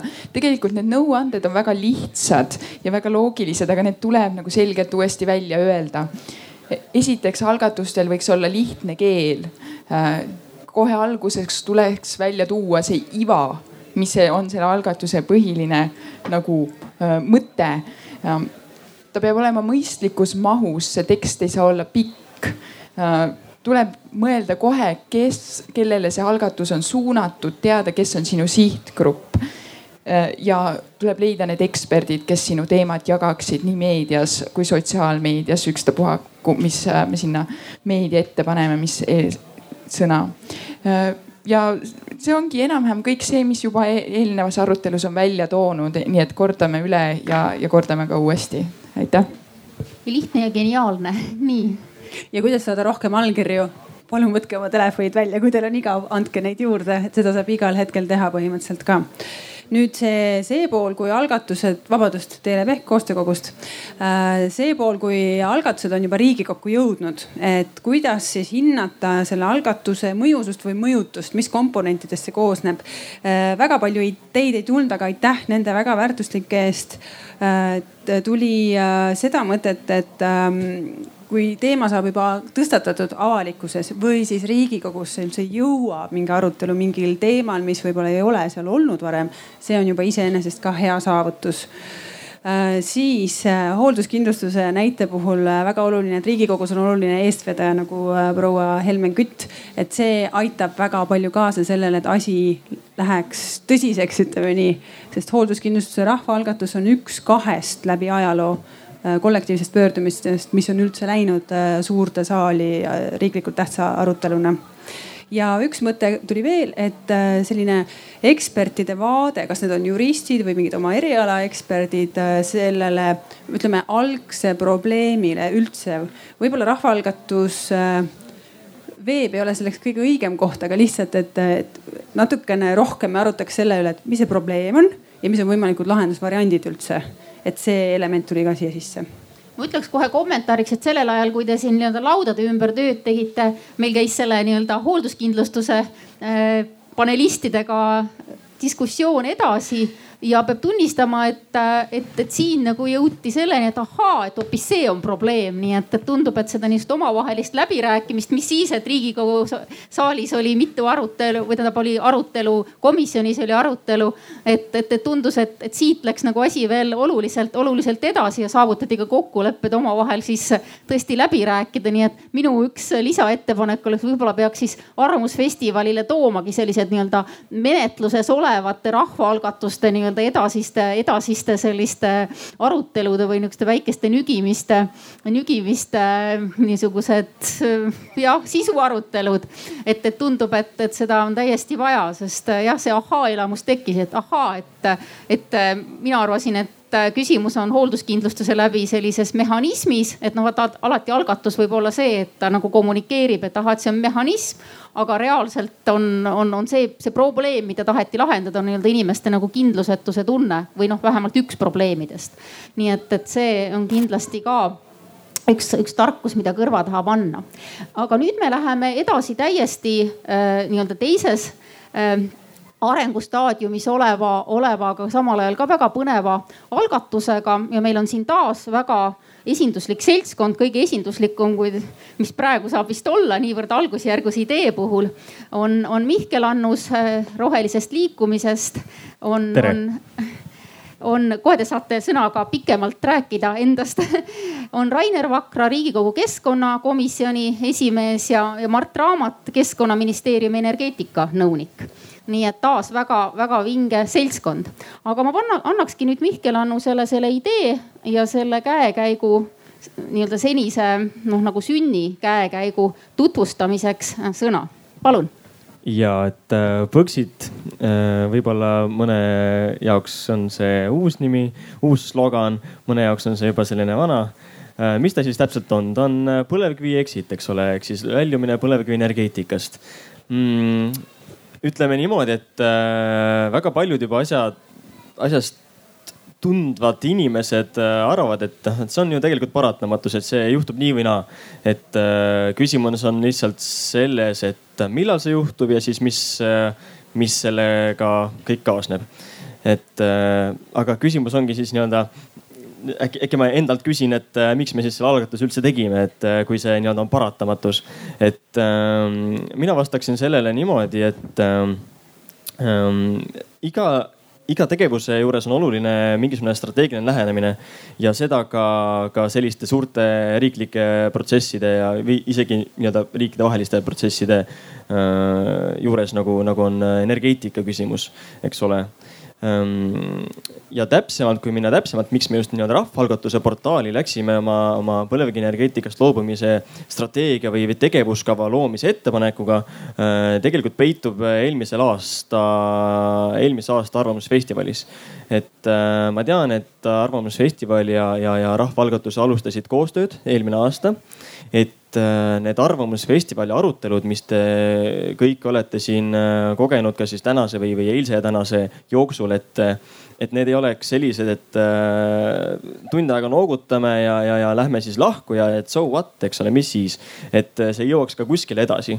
et samamoodi meil eelmisel aastal toimus energiapöörde alal äh, arutelu, Põxiti teemaline arutelu ja ausalt öeldes äh, kohe rahvaalgatuse portaali ei, ei osanudki nagu, äh, nagu edasi liikuda seda, selle teemaga. aga teele käis mulle usinalt pinda, et kuule, et see on, see on väga hea idee, mida, mida nagu äh, rahvaalgatuse portaalis edasi nii-öelda katsetada, et, et see, see võiks nagu lennata. ja mõeldud-tehtud sisuliselt, et no mitte päris, eks ole, kõigepealt tuli, tuli mõelda, et, et mis see täpselt, mida, mis see on, mida me täpselt tahame tahame, kuidas seda võimalikult hästi seletada inimesele äh, võimalikult nii-öelda suupärases paketis, sellepärast et see teema on tohutult lai, see hõlmab väga paljusid erinevaid valdkondi äh,. majandus, riigikaitse, energeetika, sotsiaal, et äh, ütleme niimoodi, et neid, neid argumente ja neid, neid numbreid võid, võid lugema jäädagi. aga samas oli, oli vaja nagu ütleme niimoodi, et neli, viis, kuus selliseid täpsemaid argumente Äh, täpsemat argumenti äh, rahvaalgatuse portaali seal algatuses siis, äh, siis edastada. et loomulikult sai ka teiste keskkonnaorganisatsioonide esindajatega need teemad omavahel läbi nämmutatud, et, mis see täpsemalt sinna kirja peaks minema. Ja siis, mis seal oli, oli vaja nuppu vajutada, et, et nüüd, nüüd lähme siis nii-öelda äh, laivi ja hakkame allkirju koguma, mis äh, paraku alguses loomulikult lähed, äh, võtad äh, kõige lähemal asuvad inimesed, keskkonnaorganisatsioonid, sõbrad, tuttavad ja nii edasi. ootad, et põlevkivi teema on suur ja intrigeeriv, ootad, et allkirjad lihtsalt tulevad ja saad nädalaga tuhat kätte. nii lihtsalt see ei lähe. et paarsada allkirja tuli, tuli üsna sellise esimese hooga, aga siis tuli selline platoo. ja nii ta siis äh, natuke seisis, kuni võtsime jalad kõhu alt välja, tuli arengukoostöö ümarlaud ka meile abiks, äh, tegime suurema reklaamikampaania. ja see üks, äh, üks hetk aitas sellest künnisest siis tuhande allkirja künnisest üle ja kohe jätkaks ka, et, ähm, et millised tõkked meil siis olid nende tuhande allkirja kogumisel, et seda, see, mis, mida me kartsime, see natukene nagu osutus tõeks, et, et see oli natukene võib-olla liiga suur teema, mida, mida sellise arv äh,, vabandust äh,, rahvaalgatuse platvormil äh, kirjeldada. et äh, ka minu tuttavatel tekkis väga palju küsimusi, et okei okay,, põlevkivist väljumine, mis teie ettepanek on? noh, loomulikult ma räägin talle äh, nii-öelda äh, omavahel, et äh, mis meie ettepanek on, aga võib-olla see koht ei ole see, see, see koht, kus sa seletad detailselt äh, välja, mis, mis meie ettepanek on. lihtsalt äh, seal me seletasime, et alternatiive tegelikult ju on ja need on palju paremad kui põlevkivienergeetika, eks ole. aga küsimus on, et noh, kui te alternatiivi ei paku, siis mina oma allkirja ei anna ja nii oligi. et, et väga paljud inimesed suhtuvad asjasse, asjasse nõnda aga nüüd äh, ma arvan, et järgmine sõna läheb Rainer Vakrale, kes, äh, kes siis nii-öelda viiendal äh, juunil võttis, kutsus komisjoni kokku ja et seda Põxiti arutelu siis esmakordselt komisjoni seinade vahel arutada aitäh, tere ka minu poolt. no ma kõigepealt on hea meel olla debatis, kus on näha, et on inimesi, kes poliitikutest rohkem räägivad, et aitäh sulle, et alati muidu öeldakse, et, muidu öeldakse, et poliitikud räägivad nii kaua, nii pikalt, et saab vähe lühemalt asja kokku võtta. ma kuulates ka seda eelmist debatti siin samal, samadel teemadel ja rahvaalgatuse puhul, siis saab öelda, et keskkonnavaldkond on muidugi see valdkond, kus ma arvan, kui statistikat teha, härra Nestor läks küll ära, aga me arutasime, et on vist kõige rohkem rahvaalgatust tulnud, tuleb meelde siin viimased aastad, olgu see glüfosaatide keelustamine, metsatemaatika, põxit ja, ja meil on, Palling saab kohe täiendada mind, hea kolleeg, karusloomad loomulikult, et ma arvan, meil on viis-kuus erinevat sellist rahvaalgatust olnud ja, ja iseenesest ma arvan, et keskkonnateemadel ühtepidi allkirjade saamine on selgelt lihtsam, kuna on erinevad sellised erialaliidud, on erinevad Facebooki lehed, on inimesed, kes tõepoolest hommikust õhtuni eh, nii-öelda oma selliseid eh, maailmavaateid, mõtteid, ideid eh, omavahel jagavad ja see tähendab seda, et on olemas võrgustik, seetõttu neid allkirju lihtsam saada. sama oli ka näiteks see, et välismaalised turistid linde jahivad, et meil on olnud väga tihedalt ja väga palju erinevate sellise kaalu, kaalukategooriatega rahvaalgatusi. ja teiselt poolt muidugi tuleb mainida ka seda, et et äh, nagu ka siin äh, arutelu näitas, et, et äh, enne olid minu meelest kõik toolid täis, igatahes kui mina tulin, siis polnud võimalik kohta leida. aga kui keskkonnateema algas, siis on vaata, et üks kolmandik tublimaid jäänud ja ülejäänud on kõik ära läinud, et see on ka selline ühiskonnas, et, et alati Helmeniga teeme seda nalja, et, et rahvaalgatusi võib keskkonnateemadel kõige rohkem olla. Sest see vähene inime, inimeste hulk, kes keskkonnateemadest hoolib, nad on üliaktiivsed aga kui me läheme laiemalt ühiskonna poole ja arutame seda, et eh, mis siis ikkagi saab, kui ma jään pensionile või on siis see põlevkivi exit äh, nagu olulisem, siis kõik ikka, kuule pension on ikka päris oluline, et las see põlevkivi praegu nagu läheb ahju, et ma tahaks ikka teada, mis meil tulevikus saab. et see on selline ühiskonna mudel ja, aga ma saan öelda, et see on iga aastaga Eestis muutumas paremaks seda on näha erinevates diskussioonides, aruteludes, seda on hästi palju vedanud just põlevkivi ja loomulikult metsatemaatika see, et metsast nii palju räägitakse, on pannud äh, ka neid inimesi, kes varasemalt äh, üleüldse keskkonnale ja keskkonnaküsimustele tähelepanu ei pööranud, mõtlema ja mis kõige ole, olulisem, oma arvamust kujundama. ja kui inimene peab oma arvamuse kujundama, siis ta peab selleks ka vaeva nägema, nii et, et selles osas tuleb äh, igal juhul tunnustada kõiki neid, kes keskkonnateemadel kaasa räägivad. võib-olla võiks paar sõna rääkida sellest poliitilisest vastuvõtust, et jah, nüüd juttu oli sellest, et kuidas nii-öelda avalikkus või, või jah, nii-öelda elanikud sellesse küsimusse suhtuvad, aga kuidas poliitikud, sest see energeetika teema on ju nagu siin juba öeldi, väga paljude teiste teemadega hästi läbi põimunud ja võiks öelda nihuke nõiutud probleem natukene. Õnneks äh, tuleme nüüd nendest viiest-kuuest näitest jah, selle teema juurde, mis meil täna siin äh, nii-öelda just tutvustati, et äh, eks selle Põxiti juurde, siis kindlasti see on selline maailmavaateline küsimus, mida ei ole võimalik äh, paari punktiga kokku võtta. ja see ühelt poolt teeb selle olukorra lihtsamaks. ehk kui me kõik seda usume, siis tuleb see kokku leppida, et näiteks aastaks kaks tuhat kolmkümmend, kaks tuhat kolmkümmend viis teeme selle ära ja hakkame sellest jätkuvalt siis tegema samm üks, samm kaks, samm kolm. et esiteks elekter, mis saab Ida-Virumaast, et hakata lahendama või siis äh, teine võimalus on see, et äh, nii nagu, mis on täna kahjuks juhtunud viimase paarikümne aasta jooksul, rääkida pidevalt, et see ei ole võimalik, et, äh, et selleks on vaja teha analüüs ja vastupidi. ja tegelikult lõppkokkuvõttes ühtegi sellist konkreetset analüüsi üheski ministeeriumis ei ole tehtud. et, et on selline väga maailmavaateline kompleksne küsimus, et see saab kohe siis edasi minna sotsiaalküsimusteks Ida-Virumaale. siis saame minna sellele, mis siis üldse sellest Ida-Virumaast saab, kui seal on need tuhanded töötud. Ehk äh, lisaks selle energeetika küsimustele tuleb seda pilti vaadata selgelt suuremalt ja seetõttu ühe sellise petitsiooni raames, rahvaalgatuse raames ühe komisjoniga seda kindlasti lahendada, et see on fakt ja selle me ka kokku leppisime toona seal viiendal juunil Riigikogus. et kõik osapooled, erinevad ministeeriumid, kes tõid näiteid erinevatest riikidest, said kodused ülesanded ehk suve läbi need kodused ülesanded ära teha ja sügisel saame uuesti kokku ja juba konkreetsemalt. Nii, ma paluks nüüd äh ministeeriumi, keskkonnaministeeriumi nii-öelda arvamust selles osas, et äh, ettepanek ju oli sellest, et tehakse nii-öelda strateegia ehk siis noh aeglasemalt või kiiremini, aga, aga ma võib-olla küsin siis natuke intrigeerivalt, et, et kas, kas see strateegia koostamine ei ole mitte nii, et lihtsalt äh, nagu rahustatakse maha ja, ja lähevad otsad vette, et, et kuidas, milline selle strateegia või arengukava või mis iganes tema nimi on, et seda juba koostama hakatakse, et, et mis sellest nagu reaalselt äh, võiks abi olla?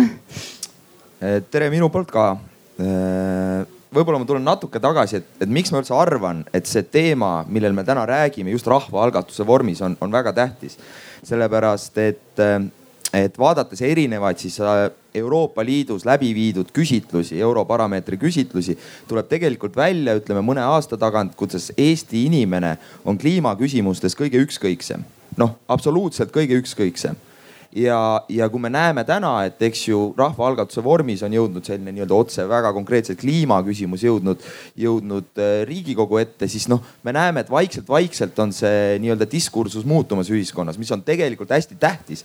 sellepärast et, äh, et jah, muidugi riiklikud äh, suured arengukavad ja plaanid lõpuks siis meie riigi nii-öelda mm, kliimajalajälge mõjutavad väga suuresti, aga tegelikult see samamoodi nagu inimeste enda suhtumine ja inimeste enda arusaam sellest, et, et, et see küsimus on tähtis, see küsimus on, on suur. Äh, see mängib samuti megatähtsat rolli äh, ja kui me nüüd tuleme selle nii-öelda siis strateegia poole, siis, siis ma olen ise, kui ma läksin ministeeriumisse tööle, siis esimene ülesanne oligi tegelikult äh, töötada välja koos siis äh, väga laiapõhjalise huvigruppide kaasamisega ja, ja teiste ministeeriumiga koostöös siis Eesti äh, kliimapoliitika põhialused aastani kaks tuhat viiskümmend. ja see arengudokument eelmine aasta kinnitati nüüd äh, Riigikogu poolt ära ja, ja, ja meil on tegelikult olemas see visioon, et kuidas Eesti, Eesti riik suudab vähendada kaheksakümmend protsenti oma CO2 jalajälge aasta kaks tuhat viiskümmend vaates ja, ja sealt tulevadki tegelikult need lahendused ja sealt tulebki nii-öelda need, need sammud mis, mis kas tuleb astuda või, või mis on nagu paratamatus. ehk siis, kui me räägime näiteks põlevkivist elektri tootmist, siis, siis noh, kui me vaatame lihtsalt seda, missugune maailm on eh,, kuidas need turumehhanismid mõjutavad erinevate Eh, elektri tootmisvõimsuste konkurentsivõimet, siis, siis noh, suhteliselt kindlalt võib, võib, võib öelda, et aasta kaks tuhat kolmkümmend meil äh, ilmselt põlevkivi, põlevkivist elektri tootmist otsepõletamise näol ei toimugi, sest see, see lihtsalt ei ole võimalik, see, see lihtsalt see, see elekt-, seda elektrit ei ole kellelegi vaja, sest see on nii kallis aga, aga, aga, aga noh, see, see tegelikult see, see, see juba tähendab seda, et me oleme, me oleme, oleme sinna teel juba täna ja meil on need, meil on need sammud välja mõeldud. Äh, jah, ja nüüd on selline nii-öelda ideoloogiline diskussioon, et kas, kas me räägime siis nagu äh, CO2 jalajälje vähendamisest mis noh, tegelikult, mis on see tegelikult see probleem, ongi probleem, ei ole Põxit probleem, ei ole põlevkivi kasutamine probleem, vaid probleem on selles, et Eesti riigis me eritame liiga palju CO2 ja, ja neid lahendusi on mitmeid, eks ju, et miks me ei räägi sellest, et, et me viime kogu transpordi üle elektri peale samamoodi väga tohutu kliimavõit. lisaks sellele eh, linnasisese, igas linnas eh, välisõhu, suur välisõhuvõit, samamoodi inimtervisele palju vähem koormust. aga see ei ole nagu diskussioon, mis laual on, see ei kõneta nii palju inimesi. aga Põxit on selline nii-öelda põlevkivisektor on selline hea märklaud, mida me saame nagu öelda, jah, väga suure mõjuga märklaud, nõus aga, aga, aga noh, selline lihtne, võib-olla nii-öelda rahvaalgatuse vormis on see lihtne ja arusaadav asi, millele inimesed tulevad kaasa aga, aga noh, ütleme niimoodi, et kui me vaatame Eesti riiklikke eesmärke ja tegelikult seda äh, mida see, mida see kaasa tooks endale, siis, siis, siis esmalt tuleb nii rahva tasandil kui ka tegelikult ütleme ka poliitilisel tasandil aru saada ja rääkida selleks, et mis see meie eesmärk on ja miks me neid samme astume. ehk siis, kas meil on vaja Põxitit või meil on vaja põlevkivisektori CO2 jalajälje märgatavat vähendamist. on ka võimalus selline, täna, täna on tegelikult need tehnoloogiad juba olemas, et, et sa püüad selle tekkiva CO2 püüad kõik kinni ja saad kasutada seda äh, mingite uute toodete tootmiseks ja, ja, ja see ei ole täna diskussiooni osa tegelikult, aga, aga noh, et, et omada sellist nii-öelda laia pilti, omada seda pilti, et, et meil ei ole mitte üks kindel eesmärk põlevkivi eh, kasutamist täielikult välja tulla, vaid tegelikult lahendada ära see keskkonnaprobleem. et noh, me peaksime ühiskonnal seda laiemalt vaatama palun. kommentaarin, et kahe targa inimese vahel, et see ongi selline situatsioon, kus siis äh, minu poolt paremal, teie poolt vasakult käel härrasmees rääkis äh, sellest, et äh, kindlasti saab seda põhjendada, et, et see on paratamatus, et see üks päev juhtub, et me põlevkivi ei kasuta, siis hea sõber teie poolt vaadates paremat kätt kohe sellele ka viitas, aga, aga loomulikult tegelikult lihtsalt fakti täpsuses, et põlevkivi, et ei jääks, et on ainult CO2, et on esiteks põhjavesi teiseks hilisemad äh, jäätmed, kaevandusjäätmed, mis on selgelt kõige suuremmahulised üldse vaadates sellega, kui me võrdleme olmejäätmetega või millegi muuga, siis põlevkivijäätmete maht on äh, müstika. et, äh, et lihtsalt, et me ei jääks ainult selle CO2 kinni, et, et inimesed, kes on sinna alla kirjutanud, on õigesti kirjutanud, et selge on see, et, et põlevkivitööstus on täna Eesti kõige suurem keskkonnasaastaja ja mitte ainult CO2-st lähtuvalt, kuigi loomulikult Just keskkonna alati kõige esimene reegel on see, et ärge tarbige, ärge saastage ja ja ütlesin ka näiteks siin toredale Reformierakonnale, et ärge jagage pannkooke plastiknugade ja kahvlitega, nii et asi hakkab lihtsalt pihta ja, ja Keskerakond, ma arvan, on väga palju allkirju saanud lihtsale ideele, et sada eurot kõigile pensionitõusu. ma vaatasin, neil läks allkirjade kogumine väga hästi. nii et mida lihtsam ja arusaadavam idee, seda lihtsam on neid allkirju saada, et see, mis me kõik siin räägime, juba ongi ülikeeruline, nii et, et kui tahad ikka väga palju allkirju saada, siis tuleb väga lihtne idee panna ja sellel on on lausa lust inimestel alla kirjutada, et keegi isegi ei hakka küsima, et mis siis pärast saab, vaid äh, sa saad sada eurot rikkamaks, noh lihtne, mis pärast saab. võib-olla Mihkel natuke kommenteerib, et miks te just nagu sellise lahenduse valisite, sellise ettepaneku või noh, nagu niimoodi te rüütasite siis need probleemi lahendused? ja no me valisime see, see, seda seetõttu, et me oleme, äh, Eesti Roheline Liikumine on keskkonnaorganisatsioon, eks ole. ja nagu ka Rainer minu vasakul käel ütles, et äh, et see on keskkonnaorganisatsioonide poolt vaadatuna Eesti olulisim keskkonnaprobleem. samas äh, kuna me oleme kõik inimesed, me saame, me oleme empaatilised olendid, me saame aru, et äh, kui põlevkivitööstus hääbub või peaks nii-öelda turusituatsioonis tekkima selline minikriis nagu oli kaks tuhat kuusteist aasta alguses. Äh, inimesed saavad mõjutatud, tuhanded inimesed, sajad ja, ja sellised tuhanded.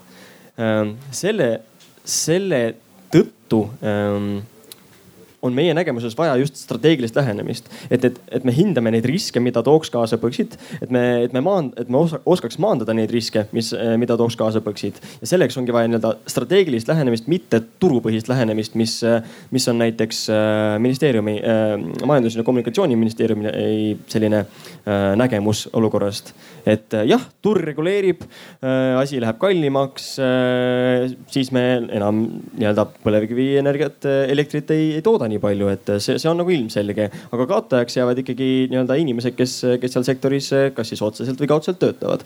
et aga kui see on strateegiline lähenemine, sul on siht silme ees, et aastaks kaks tuhat kolmkümmend, kolmkümmend viis, mis iganes see ka poleks äh, äh, kas siis äh, lõpetame põlevkivist elektri tootmise äh, kaugem eesmärk võib olla põlevkivist äh, õli tootmise lõpetamine, äh, sest ka sellel on sisuliselt samasugused keskkonnamõjud. Äh, jah, see on nii-öelda ressursi suurem väärindamine majanduslikult vaates, aga keskkonnamõjud on sisuliselt identsed. sest kaevandame ikka, jäätmeid tekib, CO2 tekib, mitte Eestis, aga väljaspool, kuhu me põlevkivi ekspordime, eks ole. nii, aga kuhu ma tahtsin enda jutuga muuseas jõuda, et, äh, et, et just see strateegiline lähenemine on oluline lihtsalt sellepärast, et kui sa lased asjadel juhtuda, siis nad ei pruugi minna sellises suunas, nagu sulle meeldiks. ja lõppude lõpuks noh, ütleme, et võttes, võttes õppust ka teistest Euroopa Liidu riikidest, kes on jah, nende puhul just kivisöe energeetikast väljumise puhul, paljudel kas vist seitsmel või kaheksal riigil on juba eh, kindlalt seatud eesmärgid, mis aastaks eh, kivisöeenergeetikast väljuda.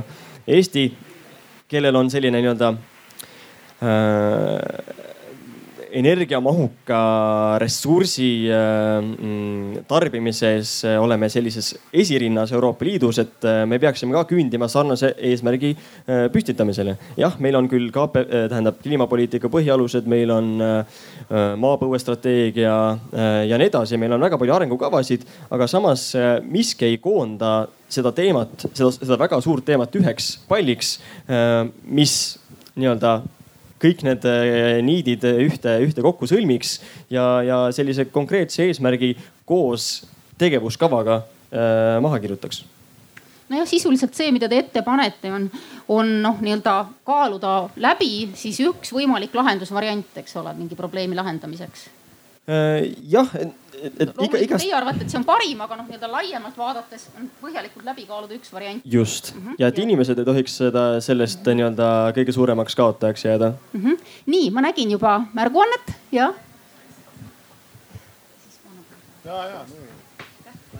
tere, Kaisa et äh, ma lihtsalt mõtlesin, et äh, ise, ma ei tea, lihtsalt või minu jaoks võib-olla on see põnev küsimus, et ma mõtlesingi niimoodi huvi pärast küsida, et näiteks teil, kes te olete siis riigi esindajad, et ma ei tea, kui palju on praegu keskkonnateemalisi neid rahvaalgatuse asju teie lauale jõudnud, mitu umbes? Me tegime siin kiire arvutuse, et ma arvan, viimase paari aasta jooksul üks äh, kuuel korral. Mhm, okei, et siis võib-olla olekski hästi äh, põnev nagu just teilt saada näiteks konstruktiivset kriitikat, et seni need, mis on jõudnud teie lauale, et mida te näiteks ütleksite, kas Põxiti tegijatele või ka üleüldse, et nendele keskkonnateemalistele asjad, mis on teie lauale jõudnud, et mida teie näete, et seal saaks äh, paremini olla? Aitäh, no ma siis esiteks ütlen, et üks punkt, mis oli seal ka Postitil kirjas, on kindlasti see, et äh, mis on igal juhul iga nende punkti puhul oluline, on see, et inimeste keskkonnateadlikkus kasvab.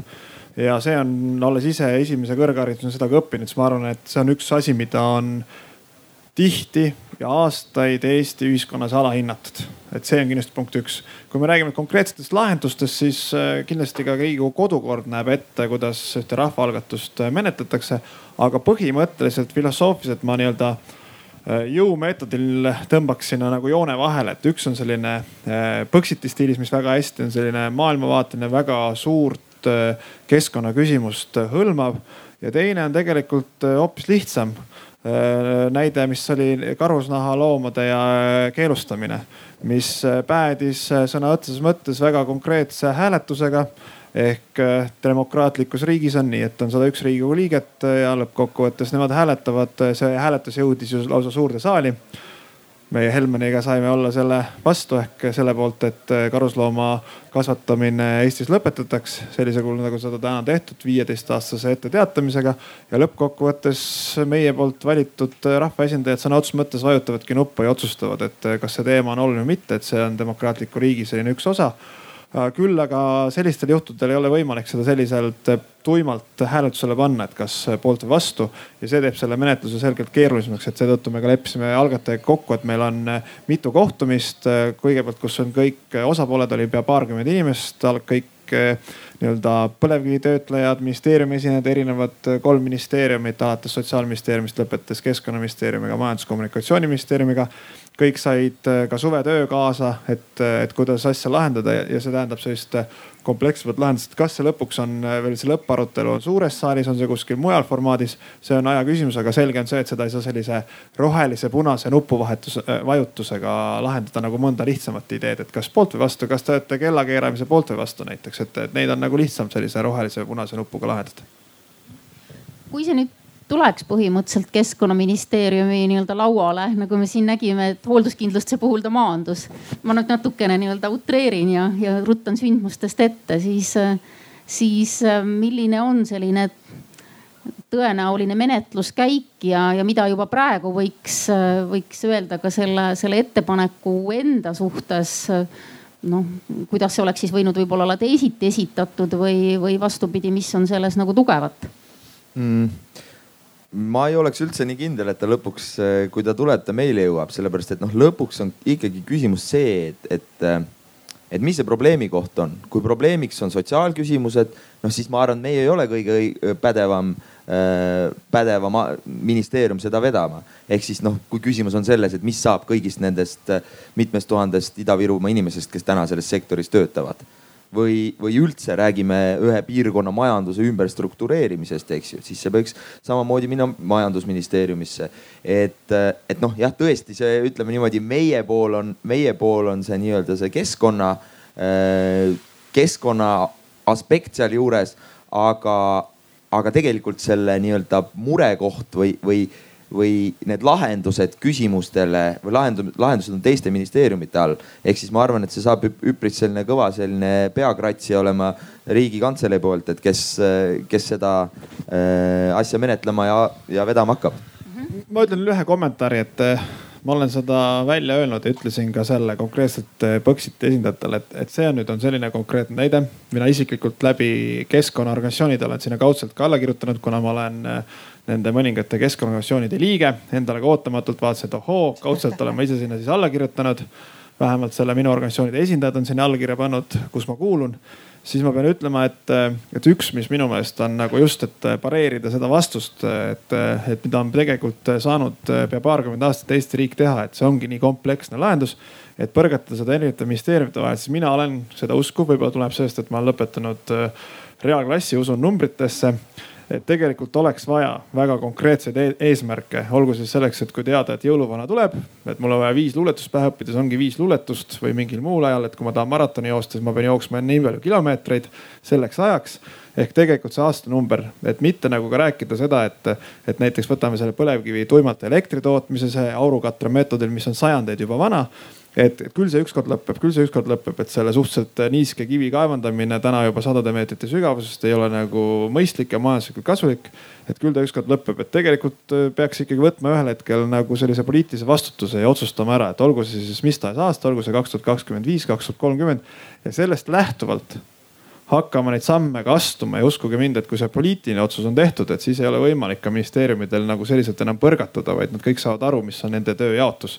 et kui see on aastaks kaks tuhat kakskümmend viis, siis äh, selle aja jooksul, viimase seitsme aasta jooksul peabki MKM lahendama siis selle majandusküsimuse, sotsiaalministeerium väga selgelt hakkama vaatama sotsiaalpooli ehk seda ei saa nagu nii-öelda lõpmatuseni veeretada, et mina olen jätkuvalt, äh, vabandust äh, väljendusest, aga tuimalt siinkohal äh, numbri usku, et, et tegelikult see punane number või vai tuleb maasse lüüa, asjad hakkavad hoopis kiiremini edenema, et ma, mina seda usun ja, ja seda ka toetan. ma võtaks kommentaari nii-öelda saalist, väljalt. Ja aitäh, mina vaatasin seda viienda juuni kohtumist video vahendusel väga lõbus oli. ja sealt mul jäi kõrva see Rainer Vakra mingi kommentaar, et, et, et see teema on tegelikult olnud juba mõni aasta tagasi laual, aga siis täpselt mitu äh, valdkonda vaatasid selle otsa, ütlesid mingi, et ei ole kindel, kelle teema see on ja siis see teema jäi kuhugi laua alla. ja nüüd ma kuulen sama juttu, et ei tea, kes seda peaks siis vedama. et küsimus on selles, et kas äh, ükskõik mis äh, ettekande või selle mm, algatuse algataja, kas ta peaks siis lisaks sellele, et ta kirjutab, mis see probleem on, kirjutama ära, kes seda peab lahendama. kes on see inimene, kes riigikogus võiks seda push ida, nagu me selle kindlustuse puhul siin nägime enne, et on üks inimene, kes viitsib push ida seda. et tegema kõik need punktid väljad ära täitma ja siis on lootust, et siis läheb käiku. aitäh, kaks kommentaari võtan veel, ma nägin, et siin käed tõusid ja siis ma annan teile sõna. aitäh mul on äh, selline arvamus, et äh, rahvaalgatuse puhul on väga oluline ka see, et need algatajad äh, üritaksid ennast kurssi viia kõigi nende strateegiliste dokumentidega, mida tegelikult on ju ausalt öeldes Riigikogu vastu võtnud, et mul kuulates seda diskussiooni vahel jääb selline arvamus, et parem käsi ei tea, mida vasak teeb. sellepärast, et kui rääkida, räägime konkreetselt Põxitist, et konkreetselt Põxiti puhul Riigikogu on vastu võtnud energiamajanduse arengukava alles hiljuti. kusjuures seal on väga selgelt fikseeritud, kuidas peaks nagu välju, väljuma tegelikult Eesti energeetika põlevkivist. seda esiteks. ja teiseks on olemas väga selge raamdokument, mis puudutab kliimapoliitikat, nii et mõlemad need dokumendid tegelikult väga selgelt kirjeldavad, kuidas Eesti riik peaks käituma. kusjuures need mõlemad dokumendid on ausalt öeldes vastu võetud Riigikogus, et kuulates seda diskussiooni, mul vahel jääb nagu arusaamatuks, et millest nagu jutt käib. aitäh. aitäh, ma võtaks ühe kommentaari veel ja siis ma annan teile sõna vastuseks. siin oli käsi püsti ja aitäh, Kalle Palling, keskkonnakomisjoni aseesimees. et äh, jätkates seda, mida äh, siin Meelis eelkõnelejana ütles, et ma arvan ka, et ministeeriumeid ei ole küll põhjust siin süüdistada nagu tegevusetuses, et. et need kavad on olemas, need mõõdikud on tegelikult paigas. Faktiliselt kaks tuhat kakskümmend kolm neli plokki äh, langeb äh, välja äh, ja sealt edasi läheb siis õlitootmise jääkide ja gaasi või selle gaasi siis, siis põletamiseks seal elektrikateldes koos biomassiga, kui see on majanduslikult mõistlik ja ühiskondlikult aktsepteeritav, et see debatt on veel ees, et kui palju biomassi siis võib seal koostootmisjaamades kasutada.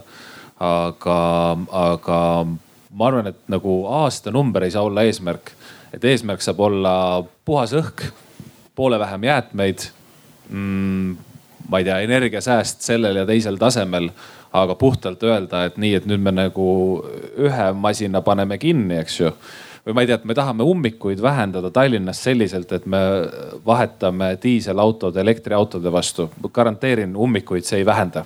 Autosid on ikka täpselt sama palju.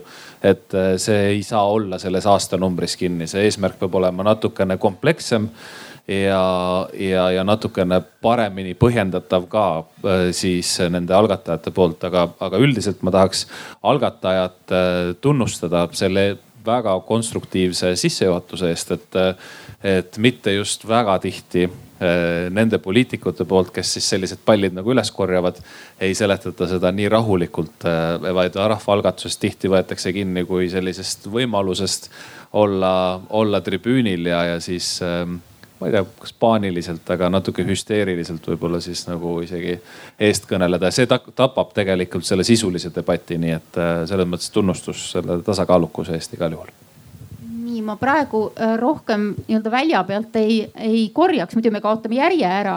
Äh, nii, kuidas selle eesmärgi seadmisega on? ma võtaks nüüd äh, jah sõnajärje sealt tagant reast si siiapoole. jah, ma võtan selle tunnustuse vastu ja, ja minu, minu arvates on see igati mitte just tunnustust vääriv, aga normaalne ja minu meelest keskkonnaorganisatsiooni esindajana ma arvan, et äh, ka teised keskkonnaorganisatsioonid on võib-olla alahinnatud äh, äh, nii-öelda nad saavad liiga palju äh, peksa selle eest äh, võib-olla, et, et, et nad äh, midagi äh, oodatakse, et, et, et nad seletavad midagi väga täpselt. Nad seda tegelikult üritavad väga kindlalt ka teha, aga võib-olla nad saavad natukene liiga palju piitsa sellest, kas siis meediat, meedialt või, või, või üldiselt arvamuselt.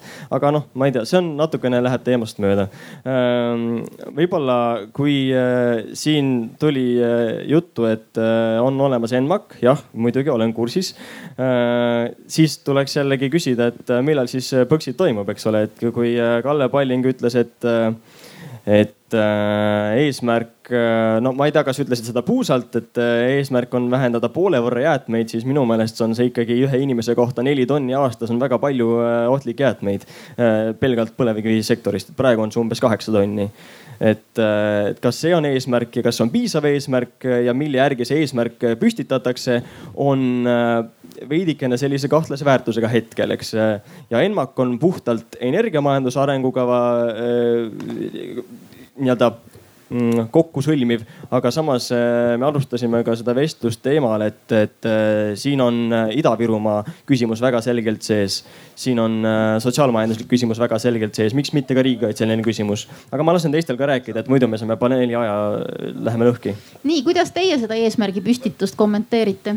ma ütlen lühidalt, et ma olen kindlasti Meelisega selles osas nõus, et et tuleb vaadata suurt pilti, oleme seda varem ka arutanud, et igal sammul peab olema nii-öelda lahendus ja tagajärg, aga ühe asjaga ma kindlasti nõus ei ole.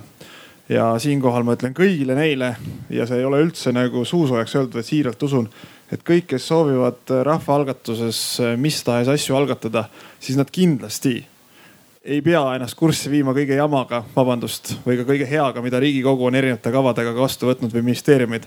ütleme nii, et lihtsale inimese jaoks on see Meelis ebareaalne ülesanne. nagu päriselt, kui sa nüüd mõtleksid täna hommikul ärkad üles ja sa tunned, et, et sul on maailma probleem, mis sinu südant valutab ja siis sa otsustad, et nüüd sa vaat viid ennast kurssi kõikide asjadega mida erinevad ministeeriumid on sel teemal vastu võtnud või riigikogu. no siis sa seda, ma arvan, üks aasta jooksul sa vähemalt seda ei ole võimeline üldse kokku panema, sa lihtsalt töötad seda materjali läbi, et. et pigem ikkagi ma usun, et rahvaalgatus.ee võiks olla jätkuvalt see platvorm, et kui sul on eh, siiras hea idee siis see tulebki selliselt kirja panna ja seda arutada ja, ja siis vaadata, kas see sobitub kuidagi olemasolevatesse kavadesse või tuleb neid täiendada või vastupidi. ehk siis eh, on tore, et sa oled kõik ENMAK-id ja kõik ehk siis Eesti Energia majanduse arengukava ja kõik muud asjad läbi lugenud aga ma arvan tõesti, et need ei peaks olema lähtepunktid, kui keegi soovib äh, rahvaalgatust.ee-s äh, sellist äh, protsessi algatada. ja teine siis on konkreetne hea debatt selle aastaarvu üle, et, et, et ma arvan, et ja ma loodan, et keegi ei saanud aru, et aastaarv ise saab olla eesmärk, vaid lihtsalt see, et need eesmärgid, mis me kokku lepime, olgu see kas jäätmete vähendamine poole võrra, et seal lisaks kõigile kriteeriumitele oleks taga ka konkreetne aasta, aastaarv. noh analoogselt näiteks, et me oleme otsustanud, et viiskümmend protsenti olmejäätmetest me võtame taas ringlusse aastaks kaks tuhat kolmkümmend. ja täna me oleme tõdemas, et äh, seniste sammudega me ei ole seda saavutamas, ehk me oleme seda nii-öelda lubadust või seda kokkulepet mitte täitmas, aga seal on väga selge ajaline joon ehk, ehk, ehk tegelikult äh, kui seda teha lihtsalt niisama et, et viiskümmend protsenti olmejäätmeid taas ringlusse võtta jätta see aastaarv ära siis äh, loomulikult võime öelda, et ühel hetkel Eesti inimesed on nii keskkonnateadlikud, et nad tõepoolest hakkavad jäätmeid sorteerima aga minu meelest aeg ja aastaarv, eriti tänases sellises ülemaailmses keskkonnateemas, selline ajagraafik ja ajatelg on ülioluline, et, et me ei saa neid kõiki asju lükata kuskile viie või kümne või, või kahekümne aasta pärast ja seetõttu ma arvan, et, et aastaarv ja aeg on väga oluline diskussioonipunkt selles, selles kohas. nii, Mart Raamat, palun. jah, ma tahtsin äh, võib-olla natuke kaitsta ennast, ei ennast, ennast ja teisi kõiki toredaid ametnikke, sest mulle tundub, et, et arvatakse, et me siin tahame kõigile teisele otsustamist eh, lükata. aga ma toon selle tõre, toreda sõjaväe analoogia, et et me oleme lihtsad reamehed ametnikena ja me teeme seda, mida saja ühe meheline väejuhatus meile ütleb. ehk siis eh, tegelikult väga õige Rainer ütles väga õigesti, et, et siis peabki tulema poliitiline, kui me ta võtame endale sellise eesmärgi, see ei saa tulla nii, et nüüd keskkonnaministeerium võtab endale eesmärgi, et lõpetame põletav, põlevkivi kasutamise.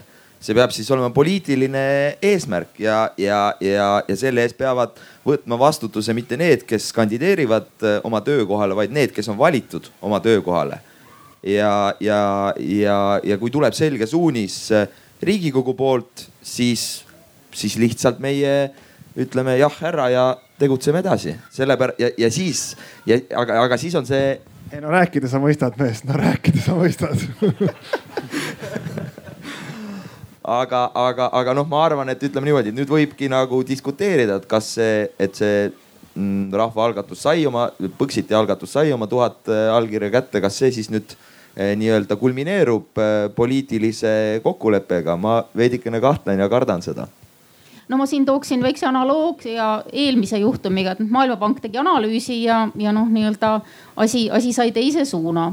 et noh, selles suhtes võib-olla see, see kujund nagu väikesest reamehest ametnikust ei ole ka nagu päris, päris, päris pädev selles suhtes, et ametnikud võivad esitada ekspertiisi. no näiteks ma ei tea, Mart Raamat võib esitada ekspertiisi ja öelda, et, et see ei ole kõige parem viis kliimaprobleemi lahendamiseks ja, ja sellega asi jääb. jah, aga me ei saa teha otsust, et me te, peame seda hakkama seda nii-öelda eesmärki endale võtma. me saame jah, muidugi pakkuda sisendit ja me saame juhtida seda protsessi, aga see otsus, et, et see on nüüd see küsimus, mida me hakkame lahendama, see peab tulema siis äh, väejuhatuselt nii, mida, mida praegu siit kiiresti võiks, võiks selle, selle arutelu, arutelu käigist äh, nagu välja tuua, on, on see, et et kahtlemata on väga-väga lihtne üldiselt öelda, et noh, määratleme probleemi ja siis vaatame, kuidas seda lahendama hakata. tegelikult siit sellest diskussioonist tuli väga-väga kenasti välja ka see, et mis nurgast me seda probleemi vaatame. kas me vaatame, ütleme, et see Põxiti ettepanek on noh, mingis mõttes nagu pragmaatiline, et on teatud majandusharu, mis on väga paljude erinevate valdkondadega seotud, püüame seda nagu lahendada nii-öelda kuidagi terviklikult. teine asi on vaadata tõesti seda nagu ma ei tea, kliima, keskkonna, mingite muude arengukavade kontekstis ja neil kõigil on teatud ühisosa, aga mitte täielikku kattuvust, nii et, et selle tõttu me jääme küll huviga ootama siis seda, et kuidasmoodi siis kodutööga, suvise kodutööga tullakse tagasi ja, ja missugused, missugused nii-öelda edasised suunised antakse. Siit nagu põhimõtteliselt võib-olla kiirelt öelda, et mida, mida sa prognoosid, et kuidas see niisugune protsessi edeline käik võiks olla? saan aru, et eks siin on kaks päeva arvatud ja on õige aeg sellise huumori rolli ka minna, et äh, härra Raamat muidugi ei ole lihtne reamees, et tema on seal tähtis nõunik, muidu lihtsalt äh, igaks juhuks. sellepärast ma imestasingi, et miks ta sellist tähtsad kujundit televisiooni ülevaated ja nii, et ma räägin, et rääkida ta mõistab, et ta on ikka täht, tähtis nõunik, mitte reamees, et seal sõjaväe terminitest ma ei tea, kus kindrali järgi, kes meil on seal järg, kindralleitnant või Kalle Palling seal kindlasti teab paremini neid äh, auastmeid jagada, et kuidas seal ministeeriumis need asjad on, aga praktikas äh, kindlasti see mõttekäik iseenesest on õige, et, et poli-, sellistes kohtades on vaja poliitilist otsust, et kui me vaatame ka maailma näiteid äh, omale Suurbritannia söetööstus, sulgeme mitte, et seal on kindlad tagajärjed, mida tuleb siis teistpidi otseselt või kaudsemalt ka riigieelarvest katta võtta, et ega sama oleks olnud ka selle karusnahkade tööstuse keelustamisega, seal olid kindlad äh, numbrid, mida ju ettevõtted ikkagi täna tegelikult seal majandusse on panustanud ja vastupidi, et, et need ei oleks jäänud nii-öelda õhku rippuma. ehk igal otsusel on tagajärg ja demokraatlikus riigis tõepoolest sellised suunised peab andma riigikogu, et, et ja ma usun, et ka nii-öelda järgmiste märtsi valimiste teemal kindlasti on kogu keskkonna ja, ja ka sealhulgas põlevkivi temaatika üks olulisemaid äh, punkte, mis, äh, mis debattides ka kajastub või vähemalt selgelt rohkem kui neli aastat tagasi ja, ja selgelt kordades rohkem kui kaheksa aastat tagasi, et see on fakt. ja ma arvan, et selles valguses on eriti oluline, et on selliseid diskussioone, arutelusid ja, ja inimesi, kes jätkuvalt Eesti elanikke valgustavad üldse, et sellised küsimused ja probleemid olemas. nii aitäh, kas on nüüd nii-öelda välja peal, põllu peal mõni kommentaar veel, et tuletan meelde, kuna me alguses rääkisime üsna põhjalikult ühest sisulisest väga olulisest teemast, praegu teisest sisuliselt väga olulisest teemast.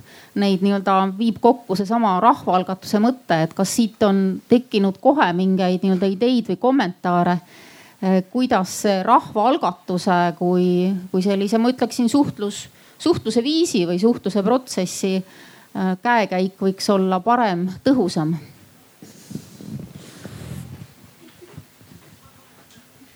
tere jälle. ma lihtsalt mõtlesin, et ma lihtsalt äh, panen selle idee välja, et tegelikult mul jäi siit, kui me tegime seda grupi arutelu, siis ma mõtlesin, et üks oluline asi võib-olla jäi ka veel ütlemata, et et just see, et kui keegi esitab nagu oma selle algatuse, et kui palju on toetatud see, et see oleks just nagu mitme organisatsiooni, selle valdkonna organisatsiooni noh tegu et ma mõtlesin, et see võib-olla võiks ka näidata seda mõjukust tegelikult. et siis ma mõtlesin just, et rahvaalgatus ka, et see eesmärk võiks ju olla tegelikult niimoodi, et umbes, et ma ei tea, ürita vähemalt kolm selle valdkonna, et see näitaks ka tegelikult seda, et ka valdkonna sees inimesed on tegelikult ju lõpuks vähemalt ma ei tea, visiooniliselt ikka ühe asja sees, et kasvõi on ju rohelise, roheline liikumine, teised nagu samad organisatsioonid Eestis, et siis annab ka kindlasti seda jõudu. ma mõtlesin lihtsalt selle panna siia. aitäh nii. ma, ma nii kaua, kui keegi järgmisena mõtleb, et minu meelest tuhat allkirja, ma vaatasingi neid ideid ja olles ka paar korda inimestega, võõraste inimestega tänaval suhelnud kaks korda elus.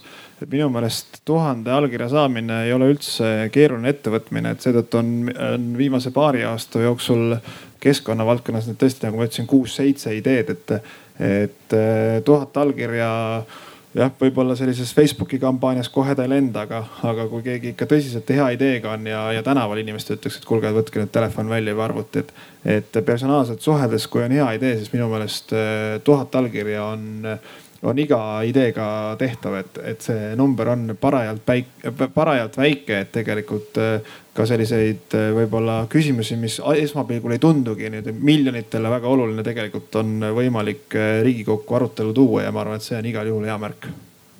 Aga kui ma tohin siit Rahvaalgatus veebi vastutajana ka, et kahe aasta jooksul, mis veeb on üleval olnud see tuhat allkirja tundub väike, eriti kui lätlased peavad koguma kümme tuhat ja soomlased viiskümmend tuhat, siis see tundub sihuke köki-möki ei ole niimoodi, et äh, Mihkel, sina nägid ka kurja vaeva, Kai Saks nägi täpselt samamoodi kurja vaeva, et need ei tule iseenesest kokku, see on hästi hämmastav et see ei ole ainult sellest, et eestlased ei oska digiallkirjastada või, või noored ei oska näiteks digiallkirjastada, mida me oleme avastanud.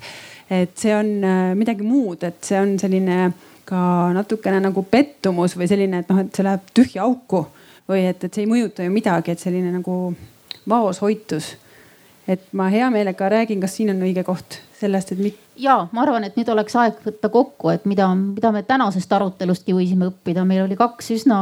üks kommentaar veel on ju. kes soovis veel kommentaari öelda? ja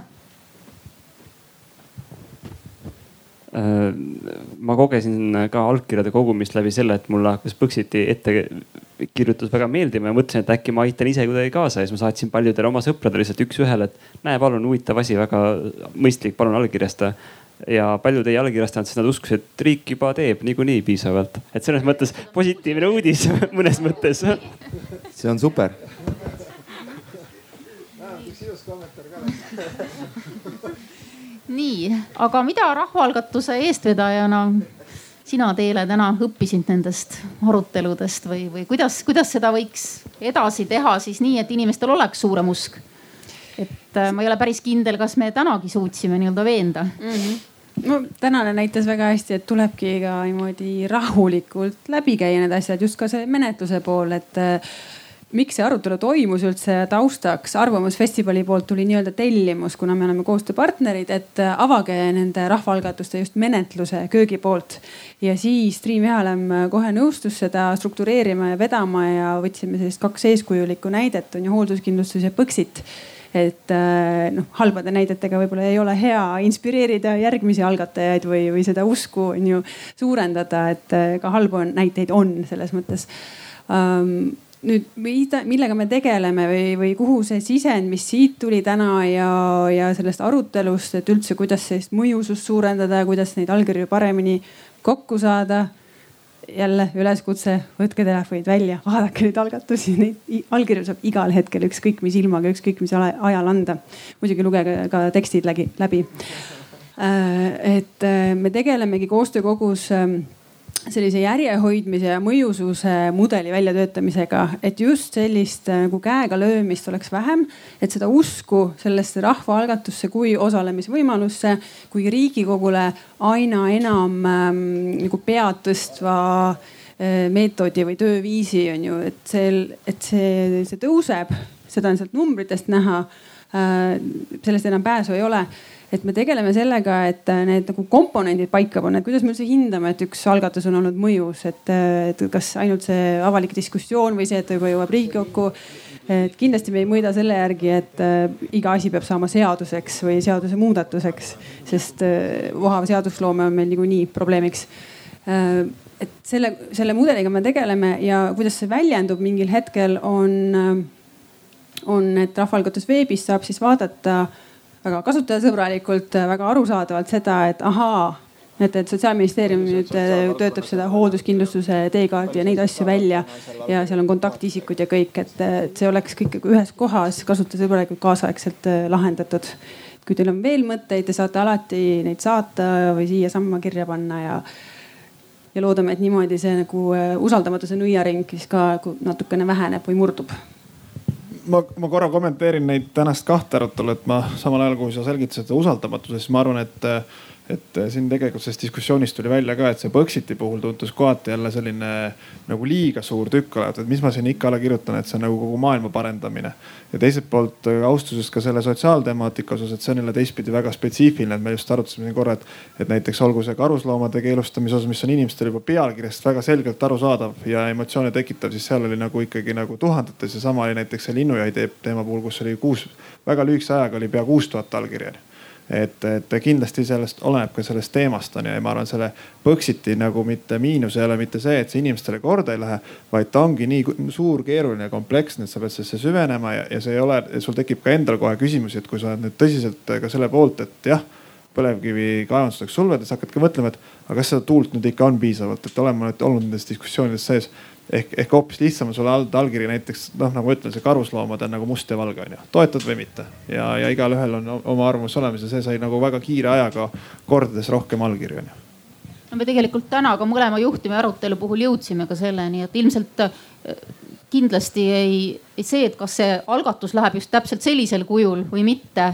noh selle puhul peaks nagu tugevalt kaaluma, et kas see saab olla nii-öelda mõjukuse või edukuse kriteerium, sest noh, me näeme, et ta vähemalt äh, paneb nagu teema lendama ja samal ajal, samal ajal need lahendused, mida, mida välja töötatakse võivad olla jah, hoopis võib-olla teise, teisel kujul, teisel viisil, aga, aga see probleem saab nagu selle probleemi lahendamine saab nagu hoogu juurde, et seda, selle kahe, kahe teema arutelu, mis siis, et üks on kaugemale jõudnud kui teine, aga, aga näitas üsna veenvalt.